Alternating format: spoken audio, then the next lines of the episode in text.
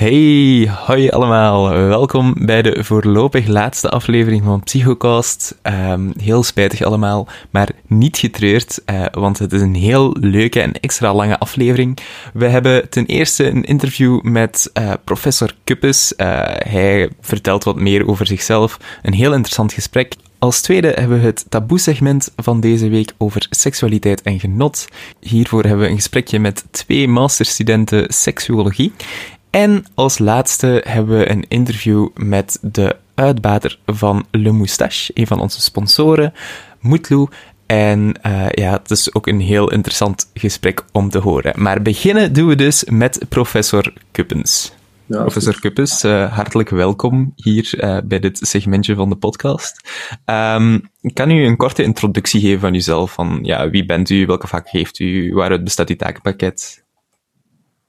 Uh, ja, natuurlijk. Dank u wel, Lucas. Natuurlijk. En aan de psychologische kring om mij uit te nodigen. Ik voel me vereerd uh, bij de idee dat studenten geïnteresseerd zijn om te horen wie ik ben en uh, wat ik interessant vind of wat ik doe en zo verder. Um, dus ik, ik werk hier met plezier aan mee. Ook als het u een beetje afleiding kan geven in deze tijden van sociale afstand en, en blokken en kijken naar online lessen en zo, dan, dan doe ik daar graag aan mee. Dus ik ben, ik ben Peter Kubens. Ik ben eigenlijk um, docent voor de opleidingsonderdelen die te maken hebben met psychologie van individuele verschillen.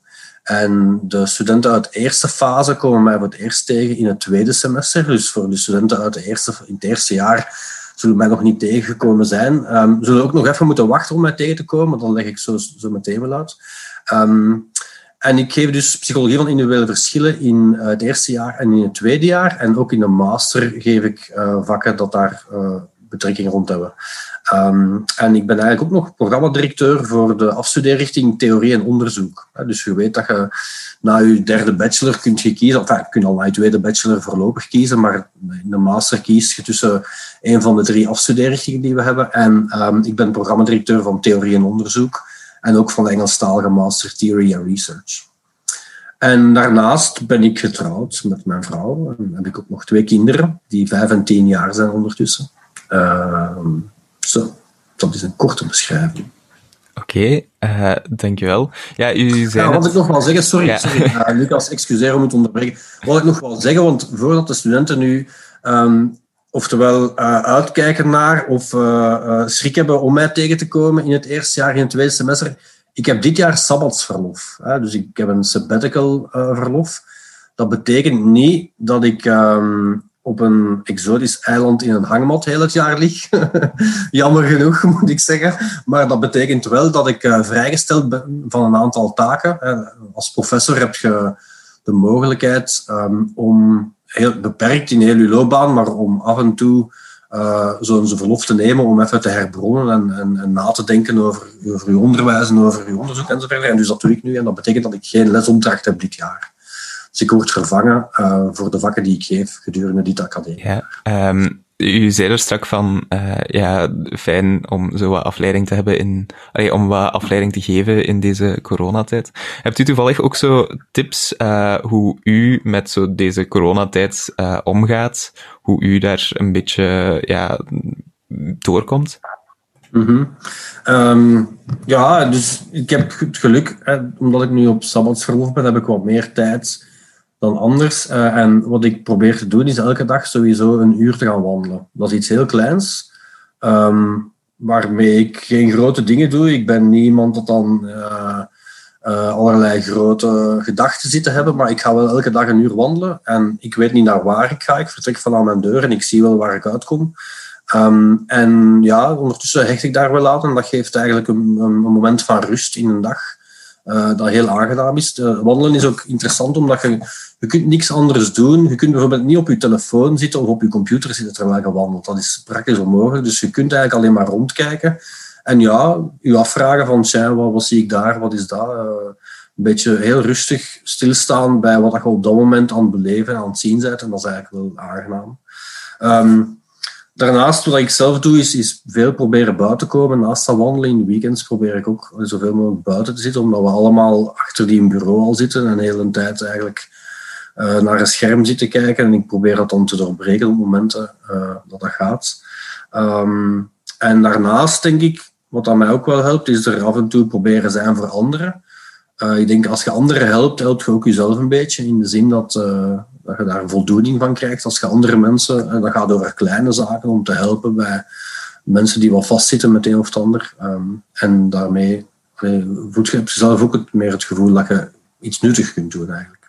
Nu, als ik dan denk aan studenten, ik probeer me echt in te leven uh, in hoe het leven van een student deze dagen is. Uh, dat lijkt me zeker niet gemakkelijk. Uh, op die leeftijd zet je denk ik uit op zoveel mogelijk met andere mensen dingen samen doen, om allerlei activiteiten samen te ondernemen, om uh, ja, leuke dingen samen te doen. En daar is heel veel van beknot nu. Dus ik denk, dat lijkt me een hele uitdaging om, om een periode als dit door te komen. Nu, wat, dat, wat dat mij belangrijk lijkt, is dat je toch nog voldoende sociaal contact probeert te hebben. Uh, natuurlijk, ja, de regels dat er bestaan op dat moment volgende.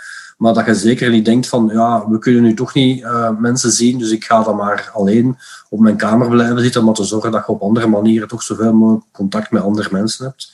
En dan natuurlijk, ja, als er momenten zijn dat je je niet goed voelt, um, zeker niet uh, het opkroppen en met andere mensen erover praten. Het is, ik heb een onderzoekslijn waar ik eigenlijk niet veel over spreek in mijn lessen of zo, maar dat gaat eigenlijk over hoe dat we soms uh, niet echt niet meer aanvaarden dat je, soms een keer verdrietig of angstig of, gestresseerd voelt. Hè. Vandaag de dag, um, vandaag de dag, dat is wel echt al langer als vandaag de dag, maar uh, iedereen moet blij zijn, opgewekt. Ik denk het, het, het, voor, het voorbeeld bij uitstek ziet je op sociale media, waar, waar mensen een per, perfect leven lijken te leiden en, en heel toffe dingen doen en lachen en plezier hebben de hele tijd en zo verder.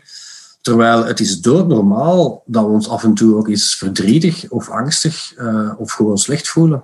En die, die emoties hebben ook een functie, die hebben ook een zeker uh, signaalbelang om te laten weten van, hè, kijk, dit of dat in uw omgeving of in uw situatie is minder goed, dan moet je iets proberen aan te doen. En er is zeker niks verkeerd mee um, om je een keer slecht te voelen. Maar dat neemt niet weg hè, dat als het gebeurt, dat wel belangrijk is dat er aandacht aan besteedt en dat je dan um, ja, denk ik in eerste instantie met andere mensen erover kunt praten, uiteraard. Um, ik heb eens even gekeken, ook uiteraard, als, als je echt last hebt van, van een sombere stemming of zo, zijn er natuurlijk studentenvoorzieningen die daarvoor uh, speciaal ingericht zijn. En ik moet ook wel zeggen dat um, ik ben lid van het Leuven Mindfulness Center, Centrum. Dat is niet zo bekend bij studenten misschien, maar dat is eigenlijk een centrum dat onderzoekers groepeert die onderzoek doen naar uh, de effecten van mindfulness. Um, en niet alleen naar hoe geweldig het allemaal is, maar zeker ook in welke gevallen mindfulness minder goed werkt. Uh, dus we proberen daar zeker kritisch naar te kijken. En um, wat we wel gedaan hebben in deze periode, is eigenlijk een, uh, een initiatief opgestart um, om elke week een gratis, of ja, gratis kosteloos aan te bieden aan studenten en jongeren, um, dat we mindfulness sessies aanbieden. Dus uh, als jij denkt dat mindfulness iets voor u is, en je denkt, ik kan daar misschien wel baat bij hebben. Wat is dat eigenlijk? Mindfulness is eigenlijk gewoon af en toe even de tijd nemen om gewoon stil te staan bij het hier en nu. En, en met een heel milde aandacht te kijken naar hoe voel ik me nu. En niet jezelf te veroordelen omwille van dat je iets niet goed gedaan hebt. Of omwille van dat je in de toekomst of in het verleden uh, negatieve dingen ziet. Maar gewoon even rustig stilstaan bij jezelf. En dat kan helpen om gevoelens van angst en, en, en droefheid of depressie en zo verder uh, door te komen. Dus voor mensen dat daarin geïnteresseerd zijn, ik ga er nu met reclame voor maken. Ik mag daar geen winst op hebben, voor duidelijkheid. Het is kosteloos. Maar uh, als je Leuven Mindfulness Center um, in Google intikt en dan doorklikt naar Mind You, want zo noemen die oefeningen, Mind You, dan kun je inschrijven voor eigenlijk een uh, wekelijkse sessies mindfulness voor mensen die daar interesse in zouden hebben. En als je denkt dat dat iets voor je is. Um, maar dus ja, want ik heb het nu precies een beetje zo negatief ingekleurd door te hebben over, over angst en, en, en je slecht voelen. Ik hoop dat mensen zich ook af en toe nog uh, plezier kunnen hebben hè, en, en, en, leuke dingen doen. Dus um, ik wens iedereen veel sterkte in ieder geval. Ja, heel erg bedankt voor de tips. Uh, ik persoonlijk ja. ga sowieso eens kijken ja. naar dat mindfulness, uh, ja, want ik ben er een grote fan van. Um, maar uh, ja, u zei juist van ja, studententijd uh, op dit moment heel moeilijk. Um, maar als we dan teruggaan naar uw studententijd, hebt u toevallig een favoriete anekdote of herinnering aan uw studententijd? Um, ja, ik heb daarover een beetje nagedacht op voorhand. Ehm, eh, ik heb hier, ga een beetje moeten, ik heb nagedacht erover en ik dacht van ik moet mezelf hier een beetje censureren, want ik heb een voorbeeldfunctie ook. Ehm, nee, maar um, ja, ik was een redelijk goede student. Um, niet overdreven. Bedoel, ik, had, ik ben niet de student geweest met alleen maar grootste onderscheidingen en zo van die dingen. Zeker, zeker en vast niet, absoluut niet. Maar ik, ik, deed wel voldoende om, om te zorgen dat ik uh, erdoor raakte en zo verder. Um, maar ja, zo net zoals anderen, nou, iedereen eigenlijk, skipte ik af en toe wel eens lessen. en de tijd was toen anders in de zin dat eigenlijk... ja, e-mail en zo verder, dat, dat stond nog in zijn beginschoen of was nog niet zo wijdverbreid. Wat eigenlijk studenten dikwijls deden, was eigenlijk notas nemen in de les, hè, dus op papier. En uh, voor de lessen die ik dan gemist had, moest ik op het einde van het jaar altijd, op het van het semester, moest ik dan altijd medestudenten bereid vinden om niet te mogen gaan kopiëren. En dat was echt zo, dan vragen van, ja, mag ik eens langskomen? En dan zo schromelijk vragen van, ja, zou ik notas eens mogen hebben? En dan ging je die kopiëren in een kopiecentrum, um, om, om uh, zo eigenlijk te weten wat er in de les verteld was geweest. Um, en ja, op den duur stond ik daar wel bekend voor om op het einde van het semester telkens bij een select groepje van mensen te gaan schooien uh, voor hun notas. Maar langs de andere kant moet ik zeggen, um, heb ik op die manier ook mijn vrouw leren kennen, want dat was ook een student psychologie. Ja, gevist in de vijver waarin dat je zelf in zit natuurlijk. Um, en ben ik ook bij haar een paar keer uh, notas gaan schooien en gaan vragen of ik die mocht hebben. En uiteindelijk is dat mijn vrouw geworden. Dus kijk, je ziet maar, ja, elk nadeel heeft ook zijn voordeel. Um, zoals Johan Cruijff zei. Het is een prachtverhaal. Ja. Um. ja, ik kan niet direct iedereen aanraden om skippen hoor, maar ja, dat gebeurde. Dat, dat, het was niet anders als, als, als wij allemaal. Ja. En in uw studententijd, wat vond u dan eigenlijk het moeilijkste onderwerp of vak dat u had? Um, wat betreft vak, uh, weet ik nog goed, of ik weet het eigenlijk totaal niet meer. Uh, dat waren zo, ja, moet je dat zeggen, de, de, de vakken. We hadden bijvoorbeeld moraalfilosofie. Um, was een vak, in, als ik me niet vergis, in, in het eerste jaar al. Um, en in het eerste of tweede jaar hadden wij ook een, uh, een vak Um, dat ging over interpretatieve methoden. Dat was een vak gegeven door Paul Smeijers, dat is iemand die nu op pensioen is. En dat ging over heel, heel ja, weinig tastbare zaken. ik herinner mij nog, denk ik, dat Lacan daarin voorkwam uh, regelmatig. En dat ging over ja, heel filosofische manier van nadenken over bijvoorbeeld uh, onderwijs. En, en over hoe dat je kennis kunt overbrengen. En ik heb dat echt gewoon van buiten moeten leren. Ik verstond dat niet. En ik heb onlangs zo'n keer met een collega die dan een tekst nog eens terugvond van teksten die we toen moesten studeren. En zelfs nu, als ik dat lees, begrijp ik dat nog altijd niet. Dat zijn zo heel, heel abstracte redeneringen waar ik echt heel veel moeite had. En ik moest dat dan echt gewoon van buiten leren, zonder dat ik echt begreep wat ik aan het zeggen was. Ja, dat, is, dat doet iedereen misschien wel vroeg of laat een keer, maar dat was daar zeker uh, het geval. Dus ja, die, die, ja, dat interpretatieve methode noem dat, denk ik. En, en dat ligt, lag een beetje dezelfde lijn van moraalfilosofie, zo dat soort van vakken die heel abstract waren, had ik het, had ik het moeilijk mee. Ja, na je studententijd bent u dan professor geworden. Um, hoe is dat eigenlijk eh, tot stand gekomen en hoe oud was u hmm. toen u prof werd? Ja, um, dus ik wist helemaal niet wat ik wou doen nadat ik afgestudeerd was, en vooral duidelijkheid. Ik heb klinische psychologie gestudeerd, maar ik had niet het gevoel um, dat dat direct iets voor mij was om als klinisch psycholoog te beginnen werken. Ik had eigenlijk eerlijk gezegd ook nog geen zin om echt te gaan werken. Ik wou eigenlijk nog bijstuderen en toen ben ik eerst, dat was een vergissing, um, antropologie gaan studeren aan Louvain-la-Neuve, de Universiteit van Louvain-la-Neuve. En um, ik dacht van, ja, dat is ten eerste, dat interesseert mij antropologie. Antropologie hadden wij toen trouwens nog, uh, ook in, in de eerste bachelor. Dat was een vak, een verplicht vak voor alle studenten. Dat is nu niet meer het geval. Um, uh, ik vond dat interessant. En ik dacht tegelijkertijd, ah ja, ik ga dan in Louvain-la-Neuve studeren. Dan leer ik ook nog eens goed Frans erbij. Um, maar ik ben daar een maand, na een maand ben ik daarmee gestopt. Omdat eigenlijk, ja, dat was daar, dat wist ik niet op voorhand. Er werd daar ook heel abstract, psychoanalytisch ingevuld en net als wat ik daarnet zei over die moraalfilosofie en zo verder, ik, had echt grote moeite met allemaal te begrijpen waar het allemaal over ging en ik ben er dan mee gestopt. Um, dan heb ik nog een jaar um, uh, ben ik vrij student geweest. Heb ik eigenlijk vakken opgenomen van de faculteit Economie, van de faculteit Kunstgeschiedenis. Heb ik bijvoorbeeld Oost-Aziatische kunst gevolgd als vak en zo verder. Ik heb er ook allemaal examen van afgelegd en, en uh, erdoor uh, geweest. Zonder dat ik daar een diploma of zo voor gekregen heb, omdat dat een verzameling van allerlei vakken was. Maar dus om maar aan te geven dat ik eigenlijk echt niet wist wat ik wou of wat ik moest doen of wat ik beroepsmatig zou, zou gaan worden. En dan ben ik beginnen solliciteren op verschillende jobs. En een, een van die jobs was eigenlijk een, eh, een, um, een, een doctoraatspositie, om aan een doctoraat te beginnen. Dat was eigenlijk onder begeleiding van Ivan van Mechelen, die je allemaal kent, uh, die statistiekonderwijs uh, geeft. En ook Paul de Boek, dat is iemand die ondertussen ook mijn emeritaat is en die eigenlijk verder prof gebleven is, maar in de Verenigde Staten. En dan heb ik daar onder hun begeleiding een, een doctoraat gedaan op het onderwerp van emoties. En dan, ja, daarna um, ben ik nog een paar jaar blijven werken als postdoc. En dan uiteindelijk was er een vacature voor psychologie van individuele verschillen te geven. En heb ik daarop gesolliciteerd en hebben ze mij daarop aangenomen. En ik heb dat eens opgezocht. Dat was in 2010, dus ik was toen 34. Um, mocht u geen professor geworden zijn, uh, welk beroep zou u dan waarschijnlijk hebben uitgeoefend? Uh... Um, ja, dat vraag ik me dikwijls ook af. Want stel dat ik nu ook zou beslissen om iets anders te gaan doen, bijvoorbeeld. Uh, ik zou echt niet weten wat dat, wat dat zou zijn, eerlijk gezegd.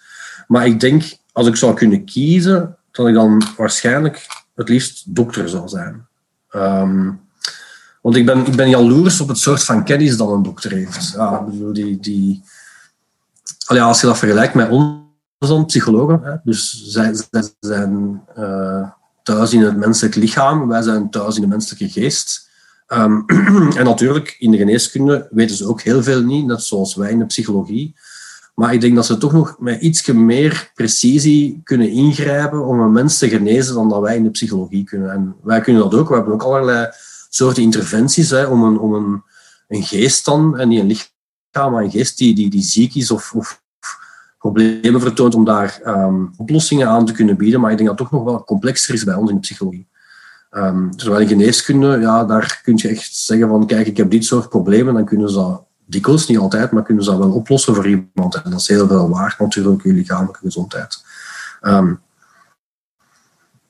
in de psychologie gaat dan over, over hè, als er iets mis is met de geest. En, het is daar nog iets complexer, denk ik, om dan zo gemakkelijk oplossingen te kunnen aandragen. Om te gaan zeggen, kijk, ah ja, oké, je hebt dit probleem, oké, dan moeten we deze behandeling doen en dan ga je er wel van af. Ik denk dat dat trouwens te maken heeft met het feit dat er nog meer, eh, lichamelijk zijn er allerlei verschillen tussen mensen, maar ik denk dat er op vlak van de geest nog grotere verschillen zijn tussen mensen. En ik ben hier geen reclame aan maken voor mijn eigen onderzoeksveld van psychologie van individuele verschillen of zo, maar ik denk dat dat maakt dat het heel moeilijk is om, om bijvoorbeeld voor een, voor een psycholoog die andere mensen behandelt, er bestaan geen kant-en-klare oplossingen. Je moet eigenlijk iedereen als individu benaderen en dat maakt dat het echt uh, complex is. Nu, in de geneeskunde is dat ook. Je, hebt, je ziet de laatste decennia een sterke opmars van, van wat ze noemen personalized medicine, waarbij dat ze echt gaan kijken naar, naar de persoon in zijn totaliteit en gaan kijken van ja, hoe kunnen we deze persoon het best helpen. En je ziet dat in de psychologie is dat eigenlijk al altijd al zo geweest, dat, dat, dat, dat je iemand als individu benadert, als, als, als klinisch psycholoog of als arbeidspsycholoog. Um, als je mensen tegenkomt uh, die psychologisch uh, in de problemen zitten. Um, maar ik denk dat nog meer dan in de geneeskunde daar met die verschillen tussen mensen echt wel geconfronteerd wordt. Maar dus, als dokter denk ik, ja, nogmaals, ik denk, je hebt een heel nuttig soort van kennis waarmee dat je mensen echt, echt, echt kunt helpen. En dat interesseert me ook, die kennis. Dus denk ik, zou, zou dat wel een leuk beroep geweest zijn. Arts. Als ik de studies zou worstelen hebben natuurlijk. Hè, want dat is natuurlijk zo voor de hand liggend. Ja, gewoon nu hè, dacht ik zo uh, uh, willekeurige vragen daar uh, tussen te gooien. Ja, ja. En een van die vragen is, wat is uw favoriete muziek of muziekgenre? artiest, ja. song? -hmm. um, wel, ik was geïnteresseerd omdat je daar straks zei dat je muziek maakte, want ik, ik deed dat ook in mijn studententijd. Oh ja, nee, toen ik zo 15, 16 jaar was, heb ik in punk en new wave groepjes gespeeld. Toen speelde ik gitaar en ja, dat was echt zo ruig mogelijk eigenlijk. Ik, ik kom van in Brusselse en we hebben regelmatig in Brussel opgetreden als ik 15, 16, 17 jaar was, met, een, met een, ja, een punkgroep, laten we zeggen. Allee, punk, ik had geen Hanekam of zo, hè, maar onze muziek was, was, was meer punkachtig dan um, in die richting. En dan als ik in Leuven gekomen ben, heb ik andere mensen leren kennen en hebben we een funkgroep opgericht. En hebben we eh, redelijk wat funkmuziek gespeeld. Uh, en daar, dat deed ik ook op gitaar en, en ook op trompet. Ik kon helemaal geen trompet spelen, maar ik had toen ik kleiner was nog lang bugel gespeeld. Bugel is zo een beetje een, een grotere trompet. Hè. maar dus ik dacht van ja, ik kan dan wel in zo van die funknummers wel af en zo er, ertussen gooien. Dus hebben we dat gedaan. Maar wereldbekend zijn we daar zeker ook niet mee uh, geworden. Um, maar dat is natuurlijk wel tof, muziek spelen uh, met andere mensen. Dat is fantastisch om te doen.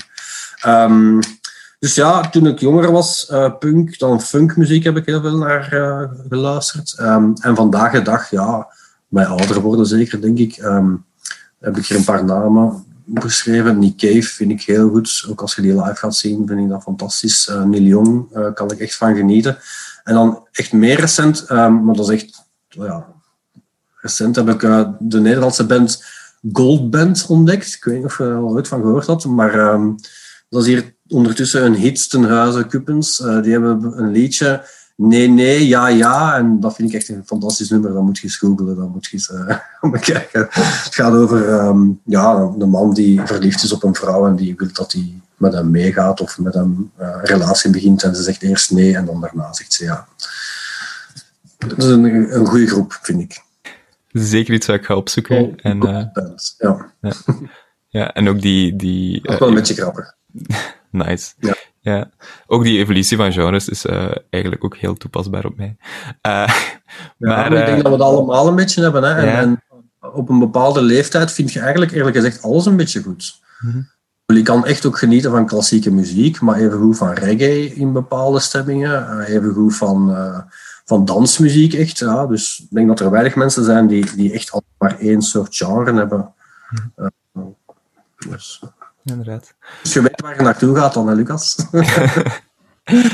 um, ja. Dan, uh, ja, naast muziek, uh, hebt u een favoriete film of serie? Um, een serie niet echt. Um, ik ben geen seriemens, denk ik. ik kijk dat wel af en toe hè, en, en, en, en uh, ik kan daar ook wel plezier in hebben, maar ik moet zeggen dat ik heel dikwijls bij series heb dat die eerste afleveringen of die eerste paar afleveringen echt fantastisch zijn en dat je daar heel geïnteresseerd um, in bent en dat het dan echt instort. En dat ze dan precies zes afleveringen lang moeten volmaken waarbij er bijna niks gebeurt. En dan ben ik mij daar zodanig aan te ergeren dat ik uiteindelijk eigenlijk um, afhaak. Uh, well, ik bedoel, ik, doe dan wel soms af en toe, een serie uitkijken, maar het zijn er eigenlijk weinig die me echt uh, blijven boeien omdat ik vind dat ze zo precies... Dat is echt een strategie om eerst uw aandacht te trekken met een heel goede startaflevering en dan vinden ze het gepermitteerd om dan tot helemaal voor het einde van heel de reeks u eigenlijk rommel voor te schotelen waar dat er bijna niks in gebeurt. En ja, dat, dat stoort me eigenlijk. Maar, maar bijvoorbeeld een serie uh, waarin het dan niet het geval is, um, dat is Black Mirror. Um, misschien heb je daar al ooit van gehoord.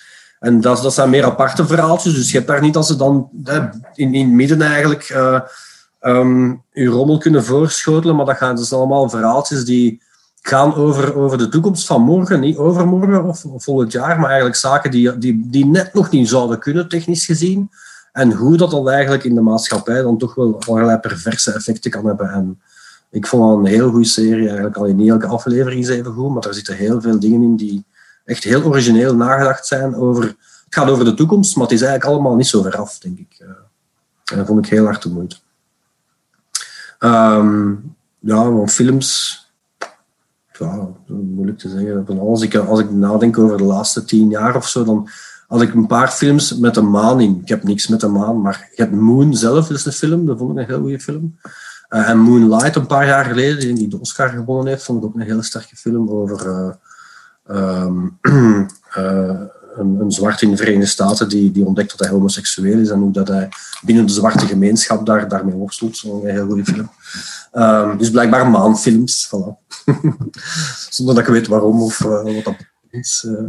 Ja, een interessant genre. Uh. ja, inderdaad. Ik wist niet dat het bestond. um, maar uh, ja, daarbuiten leest u graag en hebt u misschien een lievelingsboek of een aanrader dat u aan de studenten kan aanraden? Mm -hmm. Ja, ik lees heel graag. Um, ik, uh, als ik erover nadenk, dan, dan, dan herinner ik mij bijvoorbeeld dat ik toen ik nog jong was, en met jong bedoel ik dan iets van ja, 13 jaar of zo, denk ik, een boek gelezen heb. Ik denk dat, dat mijn oh, ik, heb, ik heb twee zussen, één die ouder is en één die jonger is. En die oudere zus, denk ik, had dat boek uit de bib uh, geleend. En dat, dat boek noemde Christiane F.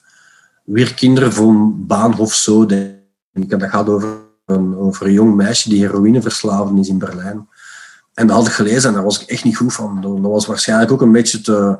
Ik was wat te jong om zo'n zo soort heftig boek te lezen, maar daar, daar was ik echt, echt niet goed van. En maar ik denk dat, dat dat wel gemaakt heeft dat je, dat je merkt dat je zo echt aangegrepen kunt worden door een boek te lezen. Een boek is eigenlijk een heel traag iets, waarbij dat je maar traag vooruit kunt gaan, maar toch is dat, kan dat echt aangrijpend zijn. En sindsdien heb ik eigenlijk altijd veel en graag gelezen.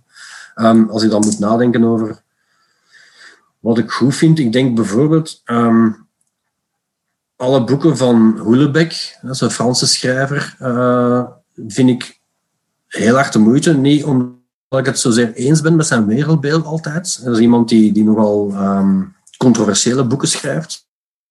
Pas op, hè, is geen kleine schrijver, dat is de bekendste Franse schrijver van, van de laatste uh, decennia, denk ik. Dus um, dat is een heel bekende, zeker in Frankrijk, uh, schrijver. Ook een, interessant, een interessante persoon, een absolute... Ja, iemand met heel extreme ideeën, maar die schrijft boeken waarin dat hij die extreme ideeën ook doortrekt. Um, en dat is heel interessant om te lezen, omdat het je echt dwingt om na te denken over bepaalde zaken, over hoe de maatschappij in elkaar zit, hoe de mens in elkaar zit. Uh, dus dat daagt u echt uit.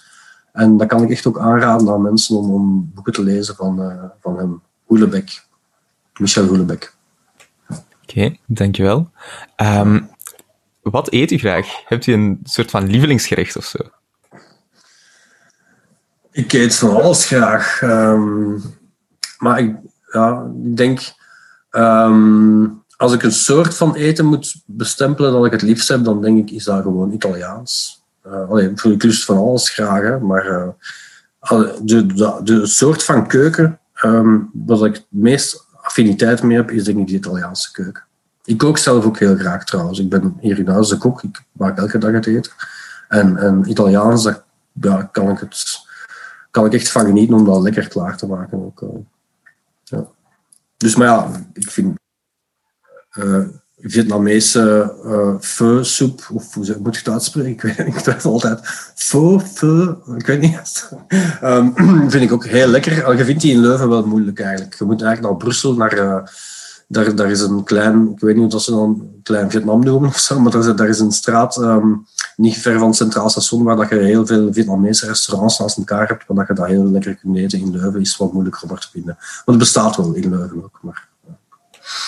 Ja op het Alfons Smetsplein vind ik wel... Uh, is er inderdaad een Vietnamese, maar ik vind dus persoonlijk die hun, uh, hun noedelsoep niet heel lekker zoals het zou moeten. Maar enfin, ik, ik, ik, moet niet zeggen, want ik ben eigenlijk nog nooit, in, zelfs niet in Vietnam geweest. Dus ik kan echt niet zeggen. Uh, Zou je graag eens doen? absoluut, ja, ja zeker vast. Maar ik heb een tijd in Australië gewoond. Um, aan mijn doctoraat ben ik daar een tijd onderzoek gaan doen. Dan heb ik in Melbourne gewoond. En daar waren ook heel veel um, Vietnamese restaurants. En daar heb ik heel veel die soep gegeten. Dus ik ken alleen de Australische Vietnamese soep. en, uh, enfin, ja. Oké, okay, een interessante versie. Ja. Uh, we hebben ook een, ja, de mogelijkheid gegeven aan studenten om vragen in te sturen. En er kwam een vraag uit die nog wel uh, leuk was. En dat is de vraag: waar haalt u uw hemden? um, dat is een heel goed bewaard, bewaard geheim, uh, moet ik zeggen. Hoor. Als ik u dat zou zeggen, dan zou ik u moeten vermoorden, Lucas. waar mijn hemden vandaan komen. Oei. nee. Um, ja, nee, ik denk ik denk dat dat komt omdat ik um, af en toe in les een fel hemd of zo waarschijnlijk gedragen heb. Uh, of tijdens examens af en toe. Ik denk dat er ooit een keer commentaar gekomen is dat ik met een Hawaii hemd en, en teenslippers de examens, uh, rond, op de examens rondliep. En vandaar is dat een beetje in zijn eigen leven beginnen leiden, denk ik. Dus je moet weten, als je zo examens hebt en um, in grote groepen lesgeeft, dan heb je examens op veel plaatsen tegelijkertijd. En bij mij kan dat echt meer dan tien aulas zijn. En als je dan van de ene aula naar de andere moet crossen op twee of drie uur tijd, dan, en het is zomer, dan kun je het wel echt heel warm hebben. Dus om je dan licht te kleden, vind ik dat geen overbodige luxe. Ehm, dus. Maar waar ik met hem daar haal, nee, dat is een, dat is een staatsgeheim, kan ik niet zeggen. is goed. Ja, ja. Ehm, goed, en dan ja, een van mijn favoriete vragen. Wat is uw favoriete plekje in Leuven? Um, goh. Er zijn er veel, denk ik. ik denk, Mag er meerdere? Ja, ik denk waar ik zelf veel kom. Um, en ook omdat ik daar niet ver vandaan woon, dat is de abdij van het Park. Kent je misschien wel. Um, dat is misschien ook een klassiek antwoord op deze vraag, ik weet niet. Maar ik woon daar zelf vlakbij. Ik, ga, uh, ik doe mijn best om af en toe uh, te gaan joggen. En dan ga ik dikwijls daar joggen of, of loop ik nog een beetje verder door. Uh, tot in Bos van Heverlee en zo verder. Um, maar dat is een, ja, denk ik een unieke plek dat we hier hebben in Leuven. Daar is heel veel groen, daar zijn heel veel vogels. Uh, dat is een prachtige oude ab abdij uh, die, die heel goed bewaard geweest is en waar dat ze echt nog heel, heel veel aan het werken zijn om die nog meer te laten opleveren. Ik denk dat dat echt een unieke plek is. Als ik bijvoorbeeld bezoekers uit het buitenland heb, ga je daar met hun graag eens wandelen. Ga je dan echt hun tonen van, kijk, op wandelafstand van, van een stad als Leuven heb je dan eigenlijk hier zo'n paren liggen. Ik vind dat een, een heel mooie plek, dus uh, zullen we het daarop houden.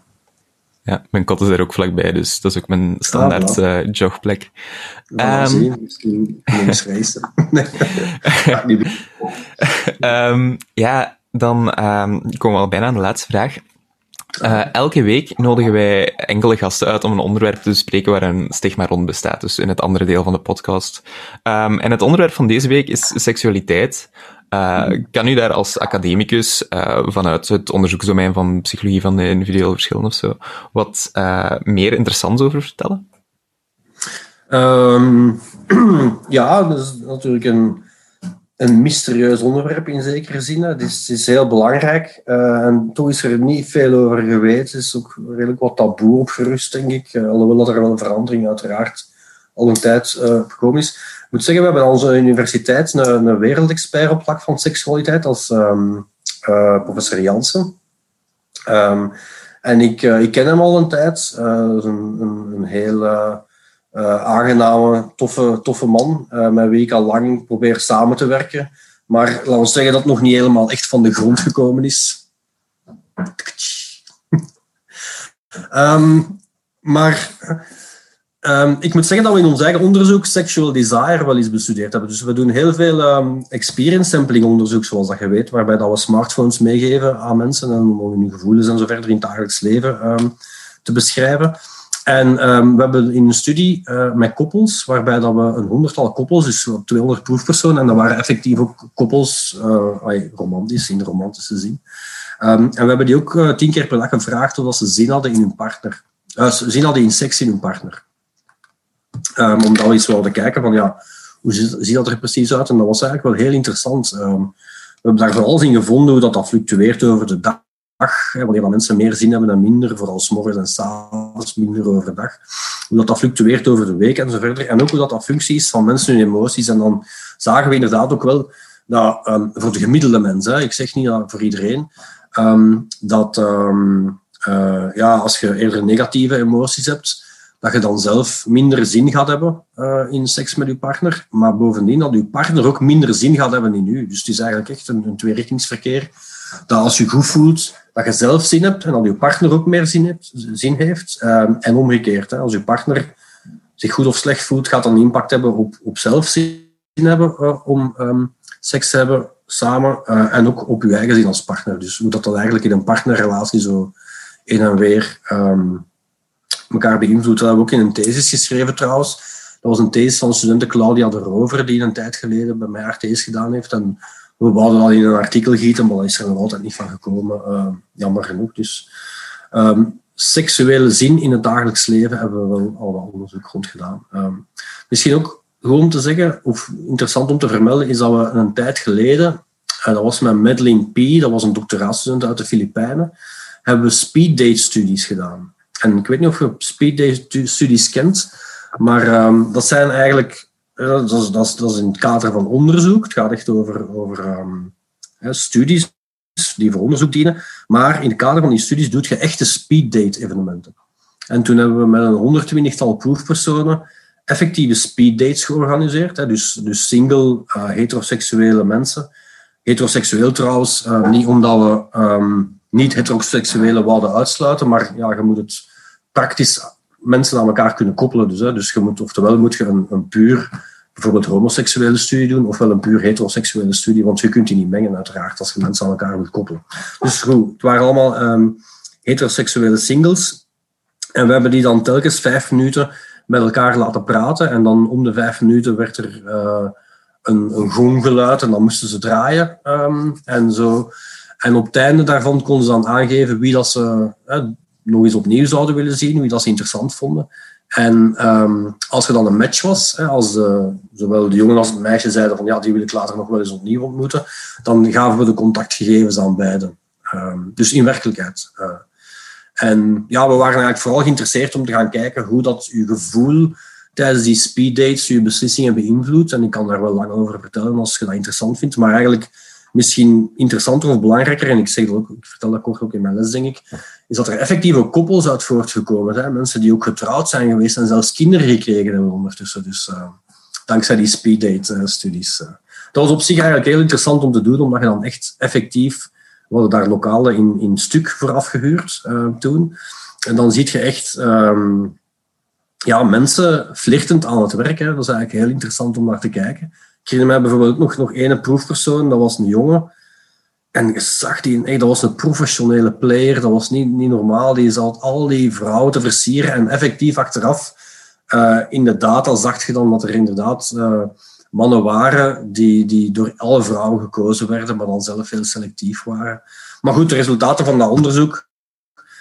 Um, we hebben daar van alles mee gedaan met die data, want die zijn van, vanuit vele kanten heel interessant. Is dat natuurlijk mannen minder selectief zijn. Mannen kiezen meer.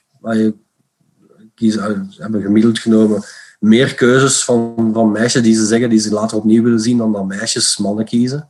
Um, iets anders interessant, maar dat is echt een fediver, is dat ze moesten telkens recht staan en dan naar de volgende partner gaan. Uh, en dat werd afgewisseld. Hè. Dus de ene keer stond de, jongens, stonden de jongens recht en de andere keer stonden de meisjes recht.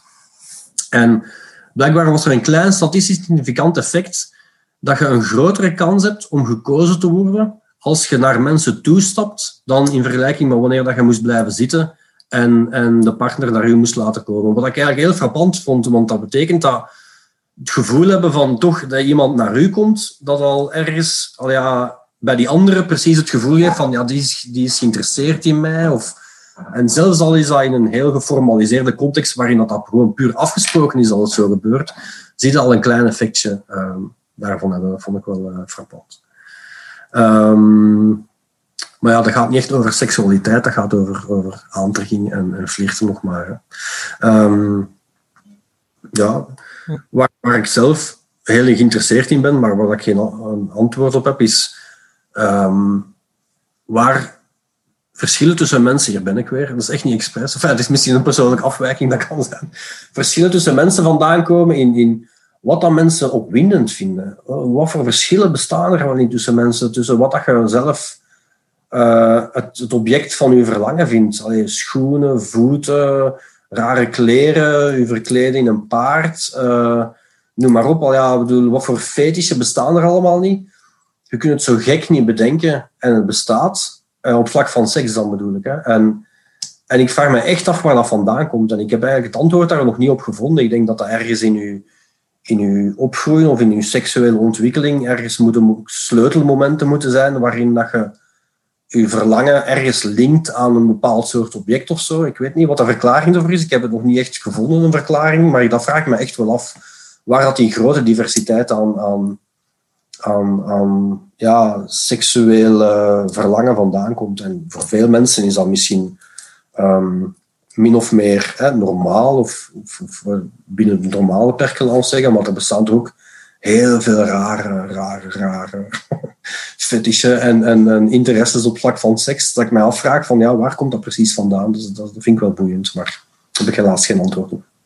Dat is inderdaad een heel interessant onderzoeksdomein. Ehm, goed. Maar dan uh, ja, zijn we aan de laatste vraag gekomen. En uh, dat is eigenlijk gewoon een vraagje van... We hebben normaal gezien elke week dat we aan uh, de prof die te gast is een soort van weetje van de week vragen. dus heb je een willekeurig weetje waarvan je zegt van... Ah, oké, okay, dit moeten de studenten echt weten. over leerstof dan? Of, Het mag over alles gaan. Het ah, ja. maakt echt niet uit. Wel, misschien, um, ik ben ooit tweede geworden op een Elvis Presley Move-alike contest. en um, ja, ik ga je de, de, geschiedenis daarvan besparen. maar dus, uh, ik ben niet, heel slecht in het uh, dansen zoals Elvis Presley. Het is wel niet gerelateerd, dus dat ga ik niet uit op het examen vragen. Dat weet je bij deze nu ook al. Oké. Met dit geweldig leuke weetje gaan we over naar het volgende segmentje, namelijk seks. Dora, Julie en Wart hebben een gesprekje met Lotte en Ilja, twee masterstudenten in de seksuologie.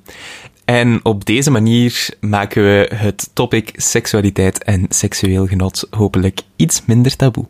Ik zou zeggen, geniet ervan. Uh, hallo allemaal, wij zijn dus uh, hier met ons vijf om een gesprekje te doen over het thema van deze week. En dat is seksualiteit en seksueel genot.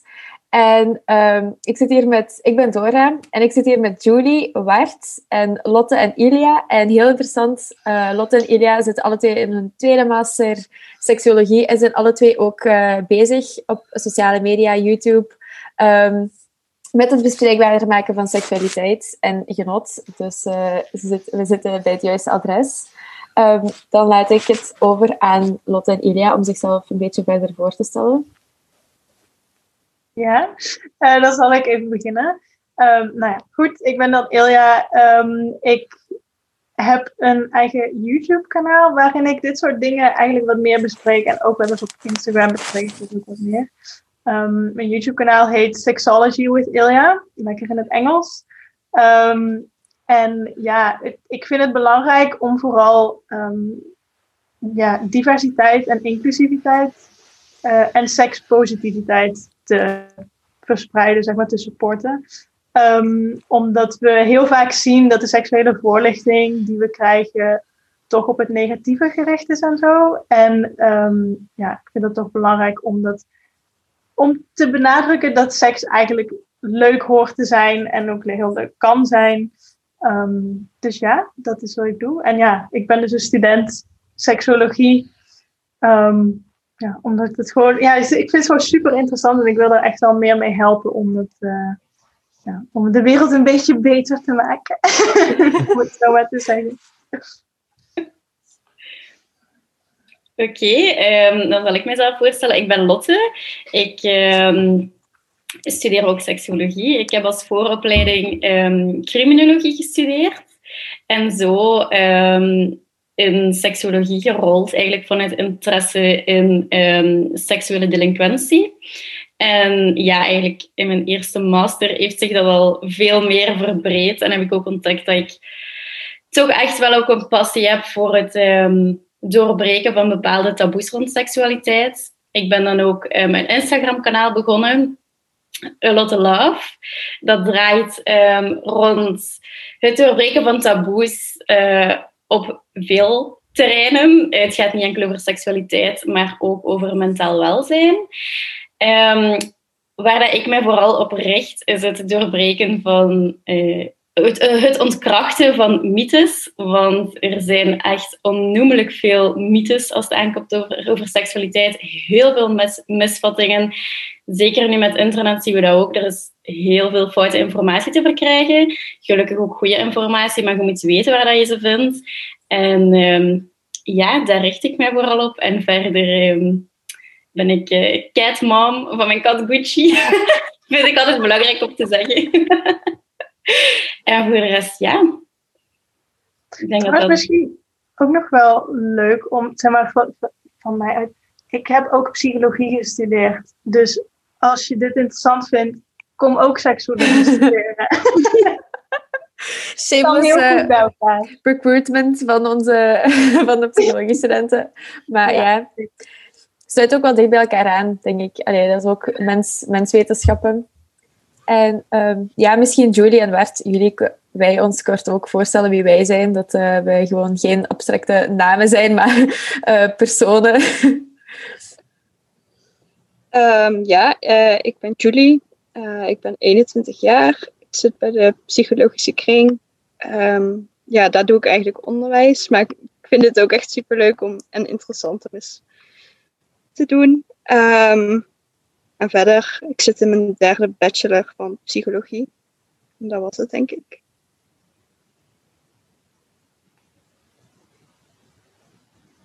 Zeg maar zo, Wart. Ah, oké. um, hallo, ik ben Wart en ik studeer ook psychologie. Um, ik weet niet of de rest nog is. ja, dat is het een beetje. Ik wou ook gewoon als, ik wou als man bij zitten, eigenlijk. heel goed, heel goed. Ja, lijkt me wel heel interessant ook. Oh, lijkt me wel heel interessant ook, want ik was het gesprek zo wel in mijn hoofd aan het voeren een paar keer. En ik was echt aan het denken van, oh, jammer dat er geen jongens zijn, want in het begin uh, ging Lena, onze vicepresident, erbij zijn. En ik was echt van, want allee, ik weet echt hun perspectief daarvan niet, dus uh, nu hebben we onze boy er toch nog bij. um, en ja, ik als laatste, ik ben Dora, ik ben 22 jaar en ik uh, doe bedrijvenrelaties bij de kring, dus ook uh, een beetje anders. Maar ja, we zijn hier vandaag om gewoon bij te leren, leuk te babbelen en ja, nieuwe perspectieven te verkrijgen, om het zo te zeggen. Um, ja, om te beginnen, we hadden het daarnet voordat we begonnen met opnemen al gehad over, um, om erin te vliegen, de clitoris en vrouwelijk genot. Uh, misschien kunnen we daarmee beginnen, daar wat meer over te weten komen. Doe jij maar, Ilja. oh, mag ik beginnen? Ja. Um, nou, wat voornamelijk natuurlijk wel um, opvallend is, is dat um, we in onze, tenminste in mijn seksuele voorlichting, en ik heb van heel veel mensen hetzelfde gehoord, heb ik nooit iets geleerd over de clitoris. Um, en als er al iets over verteld wordt, dan wordt er eigenlijk gezegd dat het zo'n klein knopje is. Um, ja, ergens in de vulva. Maar daar wordt eigenlijk verder niet zo heel veel aandacht aan besteed. Als er dus al aandacht aan besteed wordt. En dat vind ik best wel um, ernstig eigenlijk. Uh, omdat ook ja, uit onderzoek eigenlijk wel is gebleken dat de clitoris ja, het belangrijkste uh, plezierorgaan is eigenlijk van de vrouw. Um, de meeste vrouwen krijgen uh, een orgasme van clitorale stimulatie en niet per se van penetratie. Terwijl dus zoveel mensen dat niet weten. En ja, dat vind ik best wel, best wel heftig. Toen ik daar in ieder geval achter kwam van, oh, zo zit dat toen ging er echt een wereld voor mij open. Dat ik dacht, oh my god, waarom is me dit niet eerder verteld? En ik denk dat heel veel mensen zo zitten. Um, maar dus bij deze, jongens, mocht je het nog niet weten, de clitoris is veel meer dan alleen maar een knopje. um, ja, ik kan het nu niet uitbeelden natuurlijk, want het is een podcast. Maar, maar het is, uh, ja, er zit nog veel meer onderhuid. Um, ja, ik zal het even aan jullie persoonlijk laten zien. Jouw modelletje. Um, dus er zit nog veel meer onderhuid dan uh, ja, alleen dat kleine knopje. En doordat je dat knopje stimuleert, gaat dat onderhuidse ook mee opzwellen. En um, dat zit zeg maar rond de opening van je vagina. Um, dus daardoor ja, krijg je ook dat orgasmegevoel eigenlijk door heel je, je, ja, je vulva heen eigenlijk. Um, dus bij deze even een mini lesje. De clitoris is veel meer dan een knopje. En de clitoris is belangrijk om te stimuleren als je er een hebt. Ja, echt waar, inderdaad. En um, dat is ook gebleken uit um, verschillende onderzoeken. Hè. Er zijn gewoon, ik, oh, wat waren de cijfers nu weer, Ilja? Ik denk iets van een 15 of 20 procent van de vrouwen die kan klaarkomen, of het zal minder zijn, die kan klaarkomen enkel door penetratie. En vanaf dat de clitoris gestimuleerd wordt, is het echt dik tegen de 80 aan dat vrouwen kunnen klaarkomen. En dat is zoiets dat niet geweten is. Um, heel veel mannen en, en ook soms vrouwen, hè, door alles wat ons geleerd wordt, die denken dat alleen maar zeg maar, dat erin en eruit voortdurend is, uh, die het hem gaat doen. Maar dat is echt niet. En er zijn er, hè. er zijn er zeker. Hè. We willen daar ook niet over gaan doen. Mensen, sommige vrouwen kunnen klaarkomen door um, louter penetratie, maar dat is echt wel de minderheid. Dat is echt zoiets belangrijk. Ja. Ja. En ik denk bij bijvoorbeeld seksuele voorlichting, dat is nu ook een ander onderwerp, wordt er vooral heel erg gefocust op het biologische. Van, uh, bij ons wordt dat gegeven, allee, bij mij op school toch, in het lager werd dat zo gegeven of in het lager, dat was in het zesde leerjaar, denk ik. En dan het eerste middelbaar, misschien nog eens. Maar zo heel erg op het, dit gebeurt er wanneer je begint te puberen. En dit zijn je seksorganen. Punt. Mhm. Zo niks over van... Ja, maar dat is toch eigenlijk ernstig dat ze dan zeggen: dit zijn je seksorganen, maar niet eens de clitoris bespreken. Terwijl ja. dat het belangrijkste seksorgaan van een vrouw is. En het moet ook niet per se. Oh, sorry, zeg maar Lotte. ja, ik ging ook net al zeggen van. De, je zegt het daar, hè? dit zijn je seksorganen. Ja, oké, de man en, en de penis en het scrotum. En we leren wel het volledige mannelijke seksorgaan. Maar van de clitoris leren we enkel... Hier zit het van boven, een klein bolletje. Er wordt niks over gezegd. Mhm. En En that's it. In de biologieboeken, in, in het middelbaar, is dat gewoon nog steeds een bolletje. Ja. Dus, dat is mm. echt... En allee, dat moet van mij niet per se in het zesde leerjaar, als er over puberteit en, de veranderingen van de puberteit wordt gepraat, dan moet dat niet per se dan geleerd worden. Maar ik vind dat wel belangrijk dat ja, naarmate jongeren hun eigen seksualiteit beginnen te ontdekken, dat ze niet per se moeten grijpen naar porno of zo, maar dat ze dat weten vanuit ja, betere bronnen dan, dan dat. Allee, lijkt mij heel belangrijk dat daarop wordt ingezet eigenlijk. Ja, zeker.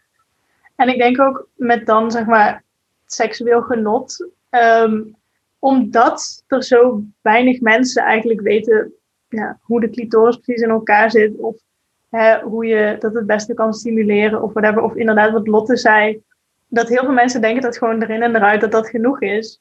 Daardoor krijg je ook zo dat, dat verschil eigenlijk uh, tussen mannen en vrouwen van ja, dat, dat, dat genotsverschil. Mhm. Omdat er gewoon die kennis mist.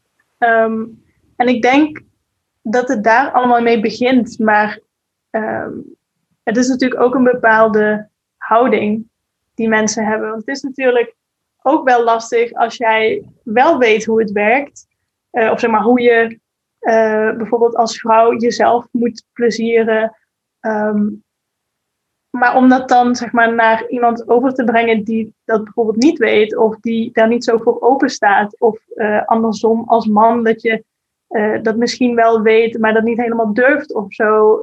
Hè, dat, dat is natuurlijk ook nog best wel lastig. Um, en ik denk dat dat, ja, daar moeten we eigenlijk gewoon vanaf. Dat moet eigenlijk gewoon bespreekbaar zijn. Mm. Ja, akkoord. Ja, inderdaad. Want ook, ja, Bart, sorry, je bent de aanwezige man hier. maar allee, ja, hoe ervaart, hoe ervaart jij dat dan? Uh, om dat misschien wel te weten of zo? Of was dat in het begin misschien moeilijk voor u? Of wat vond jij vervelend dat er, dat er niks over werd geleerd? Hoe dat je als, allee, als man eigenlijk dat moest gaan aanpakken? Ja, ik heb... Ik was ziek op de dag van de voorlichting, dus ik heb die eigenlijk nooit gehad. Um, dat is ook wel erg, dat er maar één dag voorlichting is. Ja, dat is ook al zo'n probleem. Ik was er niet. Um, ja, in het begin van mijn seksuele, seksuele carrière, om het zo maar te noemen, um, wist ik daar nog niet echt zo... Allee, ik wist wel wat dat er was en dat ik zou simuleren, maar niet zo hard als het effectief blijkt. Uh, ja, voor mij is dat ook gewoon een zoektocht geweest, een beetje. Om het letterlijk maar te zeggen. Uh, ja, ja, mag ik dan iets vragen tussendoor? Tuurlijk. Want um, hebben jullie het als jongens dan daar soms ook over van... Uh, heb jij dat wel eens geprobeerd? weet jij hoe dat moet of zo? Ehm, maar wat bedoelt je, de clitoris vinden of gewoon... Ja, dat soort dingen. eh, Of heb je daar nooit zo met iemand kunnen bespreken dan of zo? Heb je daar echt helemaal zelf uit moeten zoeken? Want ik denk dat wij, of ik, met vriendinnen het er altijd wel over heb. Ze van, ja, hoe, hoe doe jij dat? Of eh, Ja. weet je Ja. hoe je dat moet Ik denk dat inderdaad iedereen is wel vrij onzeker als ze beginnen aan seks. Gewoon van, wat what the fuck doe ik? Ehm, ja. Maar inderdaad, als je dat al met mensen kan bespreken. En ik, ja, ik doe dat ook veel met vriendinnen. ehm, inderdaad, van ja, maar hè, bijvoorbeeld pijpen, hoe, hoe doe je dat nou? Ehm, maar Dat exacte gesprek heb ik echt. echt. en voor de luisteraars, Julie is ook echt zo heel heftig aan het meekijken. Maar dat is ook, ja, we hebben ook echt zoveel gesprekken met ons vriendinnen over van alles en nog wat als het op seks aankomt en tot in, tot in detail inderdaad. Hè, ja. En ik, ik denk dat het dan, wat dat betreft, zeg maar, als je ehm, bijvoorbeeld een lesbisch, lesbisch bent en zeg maar, een lesbisch koppel zou zijn, dat dat misschien makkelijker is omdat je je eigen lichaam al kent en weet hoe je dat moet stimuleren. Dus dan, nou dat weet ik niet, dat, dat is nu maar gewoon iets wat ik, wat ik zo hard op denk. Maar ik kan me voorstellen dat dat misschien makkelijker is om eh, om dingen mee uit te proberen, zeg maar. Van, oh, ik weet dat dit bij mij werkt, dus dat zal dan misschien bij haar ook wel werken. En bij mannen dan hetzelfde waarschijnlijk.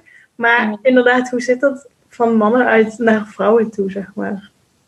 Eh, ja, ik heb altijd bij mijn, eh, bij mijn kameraden, ik heb een redelijke open-minded vriendengroep, om het zo te zeggen, die wel, waar ik wel veel mee heb over gebabbeld. Maar in het begin was dat natuurlijk, ik was nog redelijk jong.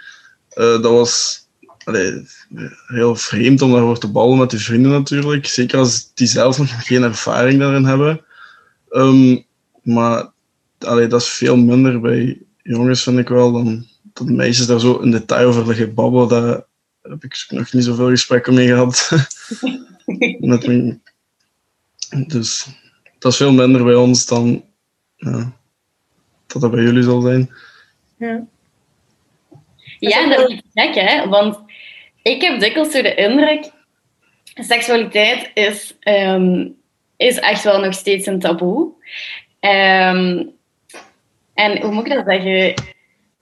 Seksualiteit bij jongens, bijvoorbeeld de, het gedrag op zich, hè, dus seks hebben, is veel minder taboe dan bij meisjes. Als een man zegt van, ah, ik heb met die en die en die seks gehad, hé, dat wordt alleen Mhm. maar toegejuicht. Als een vrouw Mhm. zegt, ik heb met die en die en die seks gehad, oh my god, slut.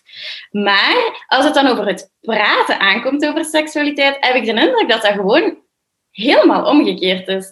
Vrouwen babbelen iets, of toch iets gemaakt, dat is uit mijn ervaring, hè, die babbelen iets makkelijker over seksualiteit dan mannen.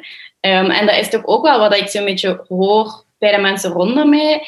Ehm, ik weet niet als dat onderbouwd is of zo, maar dat is toch wel echt zo wat die indruk die ik heb. Dat is, zo, dat is echt gek. Er zijn dubbele standaarden, maar die zijn echt wel twee kanten uit.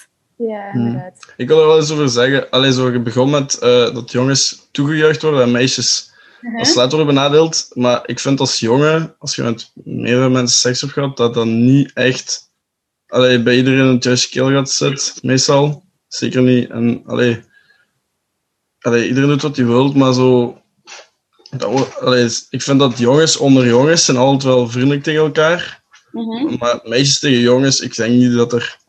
Allee, ik, ik heb dat toch niet, en ik weet dat vrienden van mij dat ook niet hebben, zo van, allee, dat meisjes echt een slet of zo, maar gewoon dat meisjes onder elkaar meestal zo, als die, die niet mogen of zo, al wat sneller die een slet gaan noemen dan. Mhm. Ja, maar dat is ook dikwijls eerder onderlinge. Alleen, correct me van wrong, hè, maar ik vind dat soms zelf wel dat dat eerder zo.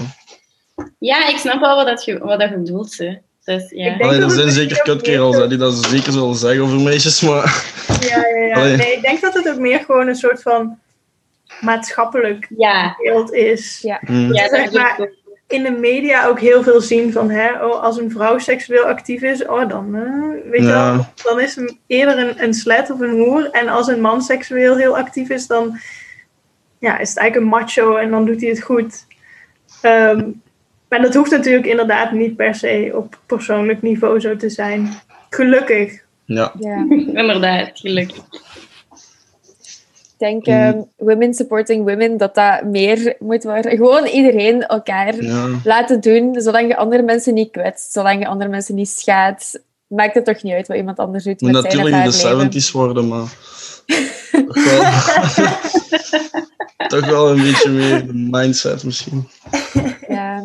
Ja, maar inderdaad, iedereen heeft gewoon zijn eigen seksuele journey, zeg maar. En iedereen moet doen en laten wat hij, wat hij zelf wil. En eh, ja, anderen hebben daar eigenlijk niks over te zeggen. Wat dat betreft is seks natuurlijk wel een best wel privézaak in de zin dat het ehm, iets voor jou en jou alleen is. En je mag dat delen als je wil, zeker. Maar ehm, niemand, niemand hoeft daar een oordeel over te hebben. Ja, want dat gaat super snel rond ook. Hè? Allee, zo. Het heeft met die seks gaat, weet ik veel. Dat is het snelst wat rondgaat natuurlijk. Eh, ik wou even terugkomen op Lotte, want je had, je had heel je verhaal gedaan, maar ik heb eigenlijk alleen op het eerste deel eh beantwoord. Maar ik weet niet meer wat je juist had gezegd. Ja, dat weet ik nu ook niet meer. ik dacht, oei. mm, Nee, dat weet ik Geen niet meer. probleem. We zijn zodanig uitgeweid. Ja, daarom. Misschien komen we straks nog terug. Als het iets belangrijk is, dan komt het sowieso. Ja, Ja, dat zal wel terugkomen. Maar inderdaad, wat jij zegt ook, hè, het gaat heel snel rond. En dat, is, dat vind ik ook altijd wel heel interessant aan eh, ja, seks.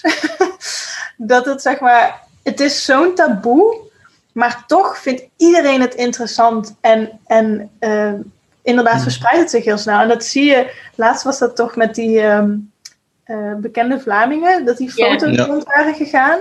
Ja, weet je hoe snel dat wel niet zich verspreidt.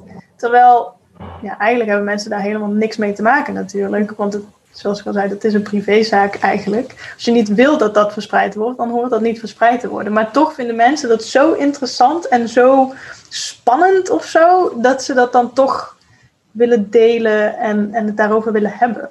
Dat vind ik wel een hele interessante, ja, hoe noem je dat? ja is Tegenstelling misschien. Ja, Ja. tegenstelling inderdaad. Dat het eigenlijk onbespreekbaar is in heel veel gevallen, maar toch vindt iedereen het wel heel spannend en interessant. Mhm.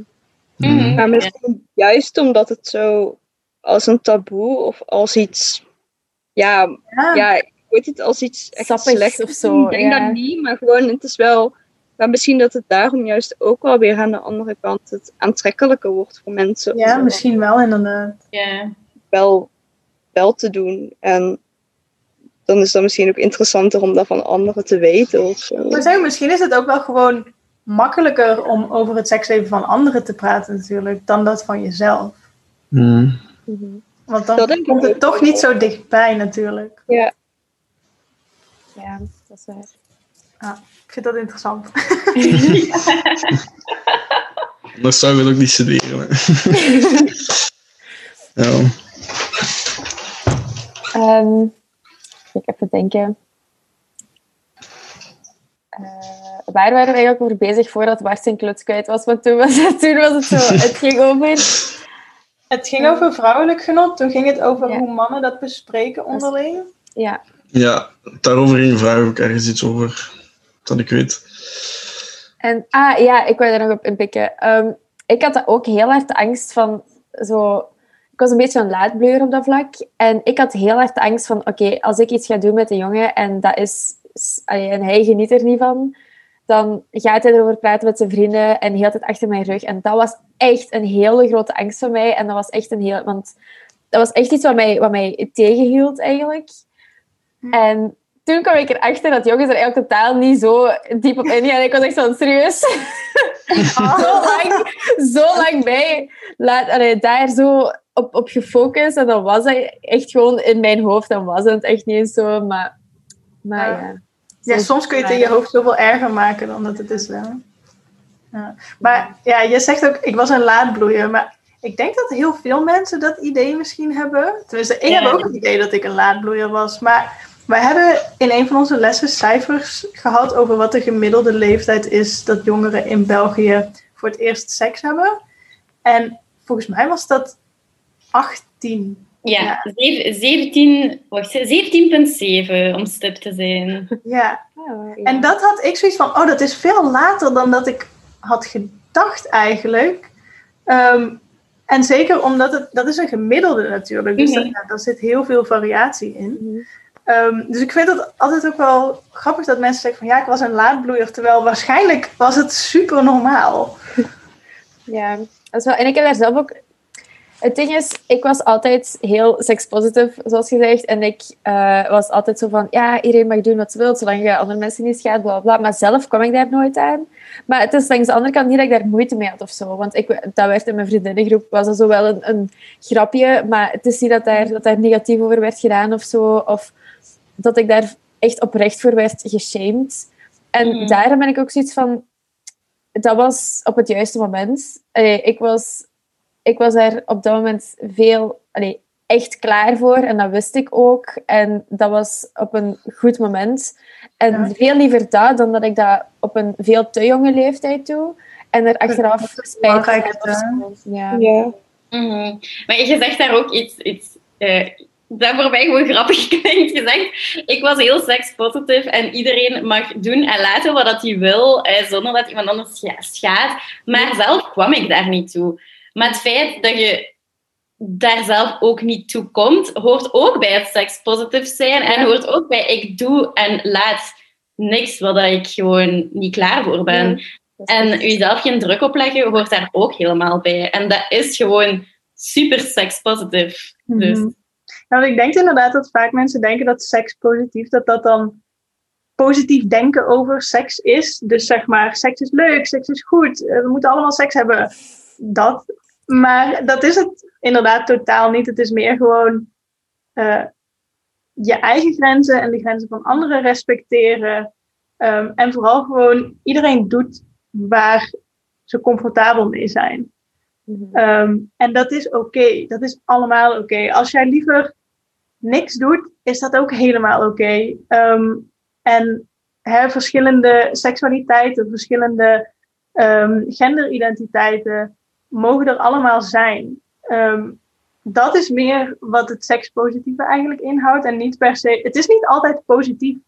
mhm. Dat is, dat is een beetje de, Ja. Ja, het lastige daaraan. Maar het, het heeft wel uiteindelijk een veel positievere kijk op seks, omdat het, het mag er zijn. Dat, dat is het meer. vind ik heel mooi verwoord. En zo bedoelde ik het ook, hè, maar het kwam er gewoon... Ja, ja, ja, nee, maar vind het was ook niet mooi- dat- Het was Nee, ook niet nee. dat jij dat verkeerd hebt begrepen, maar heel veel mensen, Mhm. ja, als wij dat dan zo zeggen van ja, seks positief, dan denken ze van, oh, dus dan ben je helemaal wild van seks of zo. Ja, En dan dat heb je vijf keer seks per dag met tien mensen tegelijk. precies. Ja, maar dat vond ik echt een hele mooie beschrijving. Dat mag je zeker geweten worden door iedereen.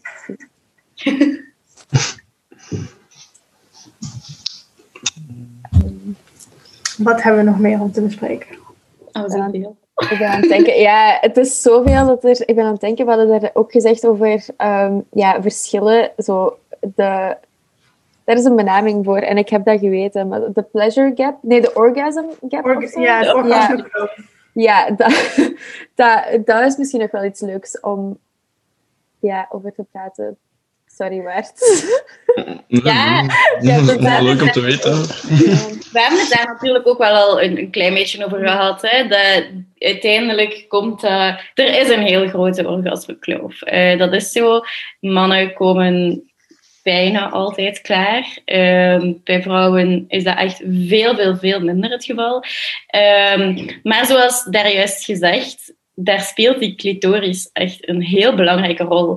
Kennis van de clitoris, eh, stimulering van de clitoris, uw eigen lichaam kennen, het lichaam van uw partner kennen, eh, communiceren over wat je fijn vindt. Eh, ja, ik denk dat we daar de meeste dingen daar juist wel al van benoemd hebben, maar ja, het, het komt gewoon steeds terug op die clitoris. Als het over dat vrouwelijk orgasme gaat, ja, echt stimuleert in de clitoris, zoekt hem, Ja. voelt hem, streelt hem, doet er alles mee wat je wilt.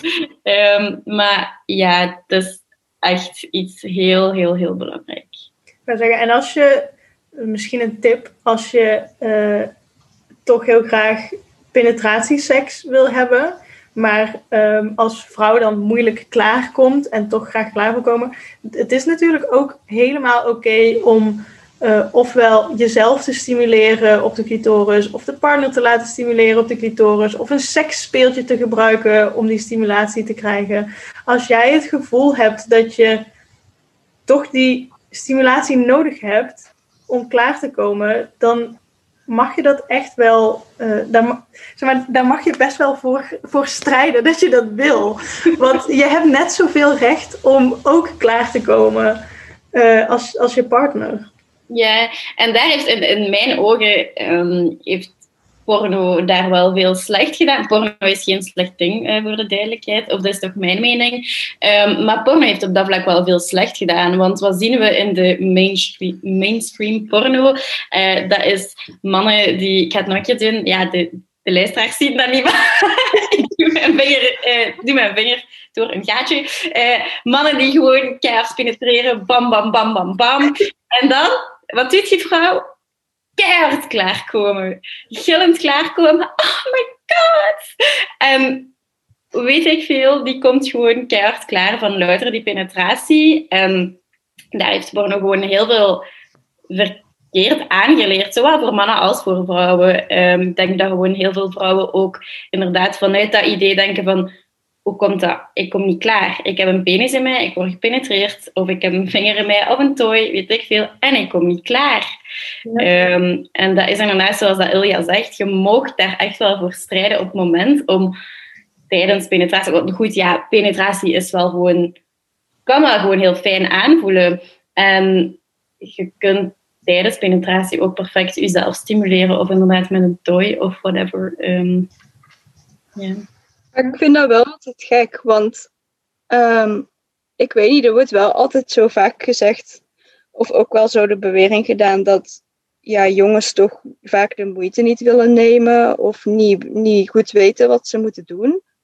Maar als ik dan naar mezelf kijk, alle partners die ik heb gehad, die uh, wisten wel gewoon altijd wat ze moesten doen. En die hadden ook zoiets van, ja, maar ik wil ook dat jij het leuk hebt en fijn hebt. Dus dan, ik weet niet, ik kan me dat zo niet voorstellen dat dat toch zo vaak voorkomt of zo, dat dat niet zo is. Ja, ik denk dat je gewoon heel goed hebt gekozen. Ja, ik ging echt zeggen, even dikke knokel voor alle, voor alle Julia sekspartners. Jullie zijn goed bezig, jongens. Doe zo verder. Nee, maar ook, ik denk dat het wel even belangrijk is om nog te zeggen van, we zijn hier nu we praten echt over grote algemeenheden. Hè. Um, sowieso van die gesprekken maken over vergelijkingen is altijd een beetje moeilijk. Um, je kunt nooit iedereen over ene kant scheren. En dat kan zelfs misschien heel stereotyperend klinken, dat we nu zo bezig zijn van die doet en die doet. Maar het is gewoon een feit als we kijken naar de cijfers dat er gewoon een heel grote orgasmekloof is. En de dingen die we benoemen, die zijn daarvan gewoon eh, verschillende oorzaken van. Maar inderdaad, dan heb jij veel geluk gehad. Ehm, ja, het is natuurlijk ook wel zo. Hè? En dat is trouwens ook een mythe, zeg maar, of hoe moet ik het noemen? Ja, ik ben all about mythes. Ehm, dat is ook wel echt een mythe dat, dat jongens of mannen meekrijgen van ik moet mijn partner kunnen doen klaarkomen of ik ben geen goede bedpartner. Mm dus wat je daar wel zegt, van die jongens willen dat ik klaarkom, ja, daar kan ik zeker wel in komen. Maar daarom weten ze misschien nog niet altijd hoe dat, dat moet. En dan krijgen zij dan weer een slecht gevoel van, oh, het is niet gelukt. Allee, dat is eigenlijk gewoon een vicieuze, niet echt een vicieuze cirkel, maar een bal die zo aan het rollen gaat. Ehm, dat is dan ook weer niet waar. Hè? Je zijt geen slechte partner als je je partner niet tot een orgasme kunt doen krijgen. Nee. Dat maakt je geen goed of slecht mens. En het orgasme hoeft ook niet altijd het einddoel te zijn. Hè? Ik bedoel, seks kan ook superleuk zijn zonder dat je een orgasme krijgt.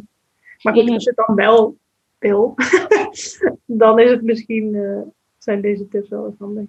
Ik vind toch dat daar wel nog veel druk op ligt altijd. Van dat je mm. iemand moet laten klaarkomen. Ik weet niet, ik merk dat bij mezelf altijd wel dat dat mij wel echt zo stress geeft. Dat ik zo het gevoel heb van, oh, ik moet dat echt goed doen, want anders dan ben ik, ik denk dat, slecht of zo. Dat, ja, dat is Ik denk dat heel veel mensen dat hebben inderdaad. En dat is natuurlijk ook wel wel jammer, omdat dat je eigenlijk meer in je hoofd laat zitten in plaats van gewoon in het moment. Ehm, en ja, dus dat, dat, is, dat is heel jammer dat heel veel mensen zo denken, maar ik begrijp dat helemaal. Hè. Ik bedoel, ik heb dat zelf soms ook nog wel, dus ik zeg van, oh my god. maar ik denk dat wat dat betreft communicatie gewoon echt het allerbelangrijkst is. Ehm, want zeg maar, hoe een, uh, een jongen zich dan, wat jij vertelt, hoe een jongen zich dan druk maakt over dat jij wel klaarkomt. Misschien speelt dat bij jou totaal niet. En heb je gewoon zoiets van, ja, nee, dat is goed wat je doet. Ehm, dus vaak is het voor de ander helemaal niet zo intens als dat het bij jou in je hoofd is. Dus om daarover te praten maakt het vaak al een stuk makkelijker en ehm, comfortabeler eigenlijk. Want daardoor kun je zelf dan ook weer meer gewoon in die plezier gaan zitten. Uh, in plaats van dat je zit te stressen van, oh mijn god, doe ik het wel goed. Ja.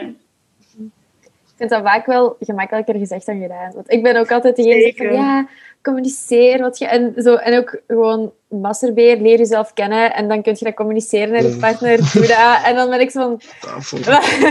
maar het is ook zo, zo veel gemakkelijker gezegd dan gedaan van Zeker. het naar Zeker. een partner toe te communiceren. Zeker als dat zo, ja, een partner is die je niet zo heel goed kent, een one-night stand of zo, of een nieuwe partner. Ehm, ja. ik weet niet. Nee, Ja, dat is ook super lastig. Maar daar, leren we ook bijna niks over. En dat is ook gewoon een beetje zo ja, ervaring opdoen eigenlijk. En gewoon durven. Ja, dat klinkt heel stom, maar dat, daar komt het uiteindelijk op neer. Ehm, maar dat is inderdaad wel echt super lastig. Mhm. Ja, ik zou zeggen, ehm, een kleine tip misschien voor mensen die het moeilijk vinden om over seks te babbelen in een relatie. Begin met heel kleine dingen. Misschien zelfs gewoon tijdens de seks. Als je partner iets fijn doet, zeg, ah oh ja, dat voelt goed. Ehm, ik zou niet per se beginnen met negatieve feedback te geven, want zeker op het moment zelf is dat niet zo fijn. Maar wel op de momenten dat je iets goed voelt, um, dat duidelijk aangeven. En dan eventueel achteraf, um, nadat de seks gedaan is, zeggen van, ah, um, dat voelde echt super fijn. en zo kun je op die manier, dat zijn hele kleine dingetjes waarmee dat je kunt beginnen. En doe dat één keer, twee keer, drie keer, zoveel of dat je daar goed bij voelt. En eventueel de volgende keer um, kun je na de seks je gesprek iets langer maken en zeggen van, um, oh, zeg, dat orgasme, ik heb soms het gevoel dat jij heel veel druk ervaart om mij te laten klaarkomen, maar voor mij hoeft dat eigenlijk niet. Ik geef nu maar een voorbeeld. Hè.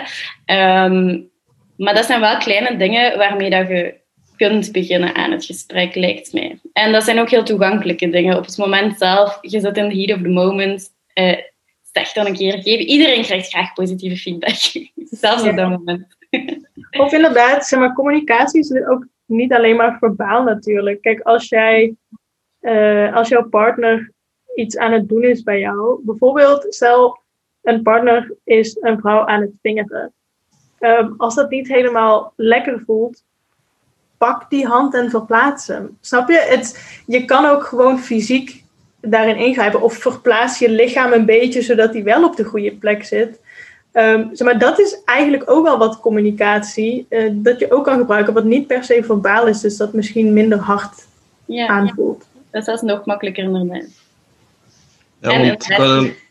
Nee, nee, ik ging, ik ging niet meer. Ja, ik wil er nog eens over zeggen. Om, ja, zo Allee, van het een jongensstandpunt dan, uh, ik denk dat dat voor meisjes, die weten dat, dat dat moeilijk is en dat dat soms niet gaat en zo. Maar als, allee, als jongen, dat ik dan denk is, allee, we hebben bij onszelf, dat lukt altijd, je weet, allee, dat je kunt klaarkomen en denken, ah, bij meisjes is dat ook wel zo, want je hoort daar nog iets over, hoe dat, dat werkt en zo. Dus je gaat ervan uit, hè, zal ook wel zo werken bij hun. Super moeilijk om er dan, allee, maar dan... Ja door te hebben eigenlijk. Dus als je dat gewoon zegt tegen jongen, ik denk dat die dat altijd wel zou appreciëren van, joh, dat is gewoon moeilijk. Ja. Uh, dat werkt niet altijd. Dat en ik denk dat het ook inderdaad wat jij zegt, hè. Kijk, als je niet door hebt dat over het algemeen um, komen vrouwen wat moeilijker klaar dan mannen. En met moeilijker bedoel ik, dat heeft meestal wat meer nodig. Um, wat langere stimulatie, wat meer stimulatie, wat verschillende stimulatie. eh, dat, dat is gewoon ietsje complexer. En zeker inderdaad wat je zegt, als je dat als man niet doorhebt, dan kan het al super erg helpen om dat gewoon een keertje te zeggen. Mm. Want ja, dat is natuurlijk ook niet zo gek dat je dat als man niet weet. Hè? Ehm, dus dat zit natuurlijk, daar, daar hoef je je ook echt niet voor te schamen. Maar ja, zo zie je dat communicatie ook al een heel stuk kan helpen, denk ik. Want ik heb ook enkel kunnen leren door ervaring en babbelen. Dus allee, dat is niet iets wat je leert ergens. Het zou wel handig zijn als ze dat er gewoon eens bij vertellen. Dan allee, zijn al heel veel mensen er iets mee. Ja, En Ja, andersom precies. ook. Hè. Als meisje heb je, als je als vrouw Mhm. seks hebt met mannen, heb je ook die organen niet. Dus je, je weet ook niet exact wat het effect is van wat je doet. Dus de communicatie is inderdaad hoe wel echt... voelt. Ja. Precies. En we hebben het nu natuurlijk, dat wil ik wel even benoemen, we hebben het nu natuurlijk steeds over mannen en vrouwen. Ja, Ik Maar- was wel aan het denken. Dat is dat natuurlijk een heteronormatief. Ik wil zeggen, en, ja, maar ook heteronormatief, maar ook een beetje binair. Er zijn Ja. natuurlijk ook wel meer genders en er zijn eh, ook mensen die intersexen zijn. Dus die niet per se of een penis of een vagina hebben. Ehm, dus dat is natuurlijk ook wel belangrijk om, om in gedachten te houden. Er is veel meer dan alleen maar man-vrouw en ook veel meer dan alleen maar heteroseksuele relaties. Ehm, helaas is het meeste onderzoek wel in die groepen gedaan. Dus weten we ook gewoon niet zo heel veel over ja, wat er nog meer is eigenlijk. Ehm, dus ja, dat wilde ik gewoon even benoemd hebben. Belangrijk, belangrijk. Ja. Inderdaad. Mag zeker niet vergeten worden. En is zeker allee, even valid. Maar mijn... Belangrijk. Ja, is, ja, is even belangrijk als ehm, al het andere. Hè. Ja, en ik denk ook, want het is natuurlijk, ja, dat hebben we net ook al benoemd, hè, seks is iets, iets super individueels eigenlijk, maar toch doe je het vaak samen. Ehm, maar het is, het is iets wat van persoon tot persoon anders ervaren wordt eigenlijk. En er zijn wel overeenkomsten, maar toch is het allemaal ja, wel je eigen ervaring. En ik denk bijvoorbeeld voor heel veel ehm, mensen met een vagina is het niet heel fijn om, pe- ja, om gepenetreerd te worden bijvoorbeeld. Maar voor sommige vrouwen doet dat ook zelfs pijn. Ehm, en nou, over het algemeen, als je pijn hebt, kan het heel veel redenen hebben.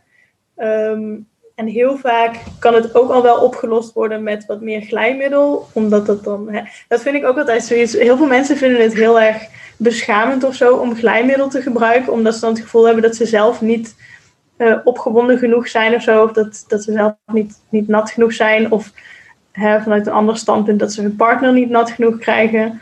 Maar dat zit natuurlijk totaal. Ja, glijmiddel is er om een reden. Het is er om je te helpen. Als het allemaal even wat stroever gaat. En dat heeft niet per se iets met je, met je opwinding te maken, altijd. Ehm, dus daardoor kan het soms al wel opgelost worden. Maar er zijn natuurlijk ook vrouwen die wat meer last hebben daarvan. Of waar het echt pijn doet. En daarom is het ook gewoon, denk ik, belangrijk om te onthouden dat penetratie niet alles is. Dat is niet seks. Zeg maar, seks is niet penetratie. Snap? Seks is veel meer dan dat. Seks is ook hè, al het andere wat je intiem kan doen met elkaar. Ehm, ik denk dat dat ook wel belangrijk is om, eh, ja, om mee te geven. Oké. Thanks for dit- coming to my TED. Nee, maar ik vind het echt... Alles wat, wat er gezegd wordt, vind ik echt super interessant. En echt super belangrijk, omdat dat, dat, dat wordt gehoord door de buitenwereld, om het zo maar te zeggen. Want dat is echt gewoon... Ja, dat moet gewoon geweten zijn. En stap voor stap komen we op die manier naar een veel inclusievere en veel betere sekslevens voor iedereen. ja. Dat is zeker waar. Ja, ik wil dan nog even terugkomen, ehm Ilja, want je zei daar inderdaad van voor veel mensen met een vagina doet penetratie pijn. Ehm, ja, ik wil even opletten op mijn bewoordingen. Hè. We mogen dat ook wel niet, we mogen pijn ook wel niet normaliseren. Ik wil het zeker ook niet ehm, pathologiseren, maar we mogen het ook niet normaliseren. Eh, heel, veel, heel vaak hoort je vrouwen zeggen Goh ja, van tijd tot tijd ja, dat, dat voelt een beetje onaangenaam. Hè. Dat is niet zo... Dat is normaal. Zo'n beetje pijn. Maar eigenlijk is dat ook niet zo. Hè. En dat is omdat ons dat wel zo wat meegegeven wordt, ook van jongs af van pijn bij het vrijen is normaal. Of toch, als vrouw is dat normaal. Maar dat is niet zo. En in heel veel gevallen kan er daar wel iets aan gedaan worden. Ik kan nu niet zeggen um, heel zware casussen van vulvodynie of zo. Uh, soms is dat wel heel heftig en moeilijk om op te lossen. Maar in de meeste gevallen kan daar echt wel iets aan gedaan worden. En ik wil daar gewoon toch nog wel iets zeggen, omdat daar juist was van ja, voor sommige vrouwen voelt dat niet fijn. Ja, maar ook daar weer, doordat er niet over gepraat wordt, denken mensen heel vaak van oké, dat is normaal, dan, je moet dat negeren. Maar je moet dat niet negeren. Ja, je mag erover praten. Um, je gaat ermee naar uw huisarts, gynaecoloog, seksuoloog. Praat daarover, luister. Soms is het inderdaad heel gemakkelijk. Soms is het gewoon, zit de oplossing letterlijk in een glijmiddel. Uh, en dan hebben die vrouwen geen pijn meer. Dus.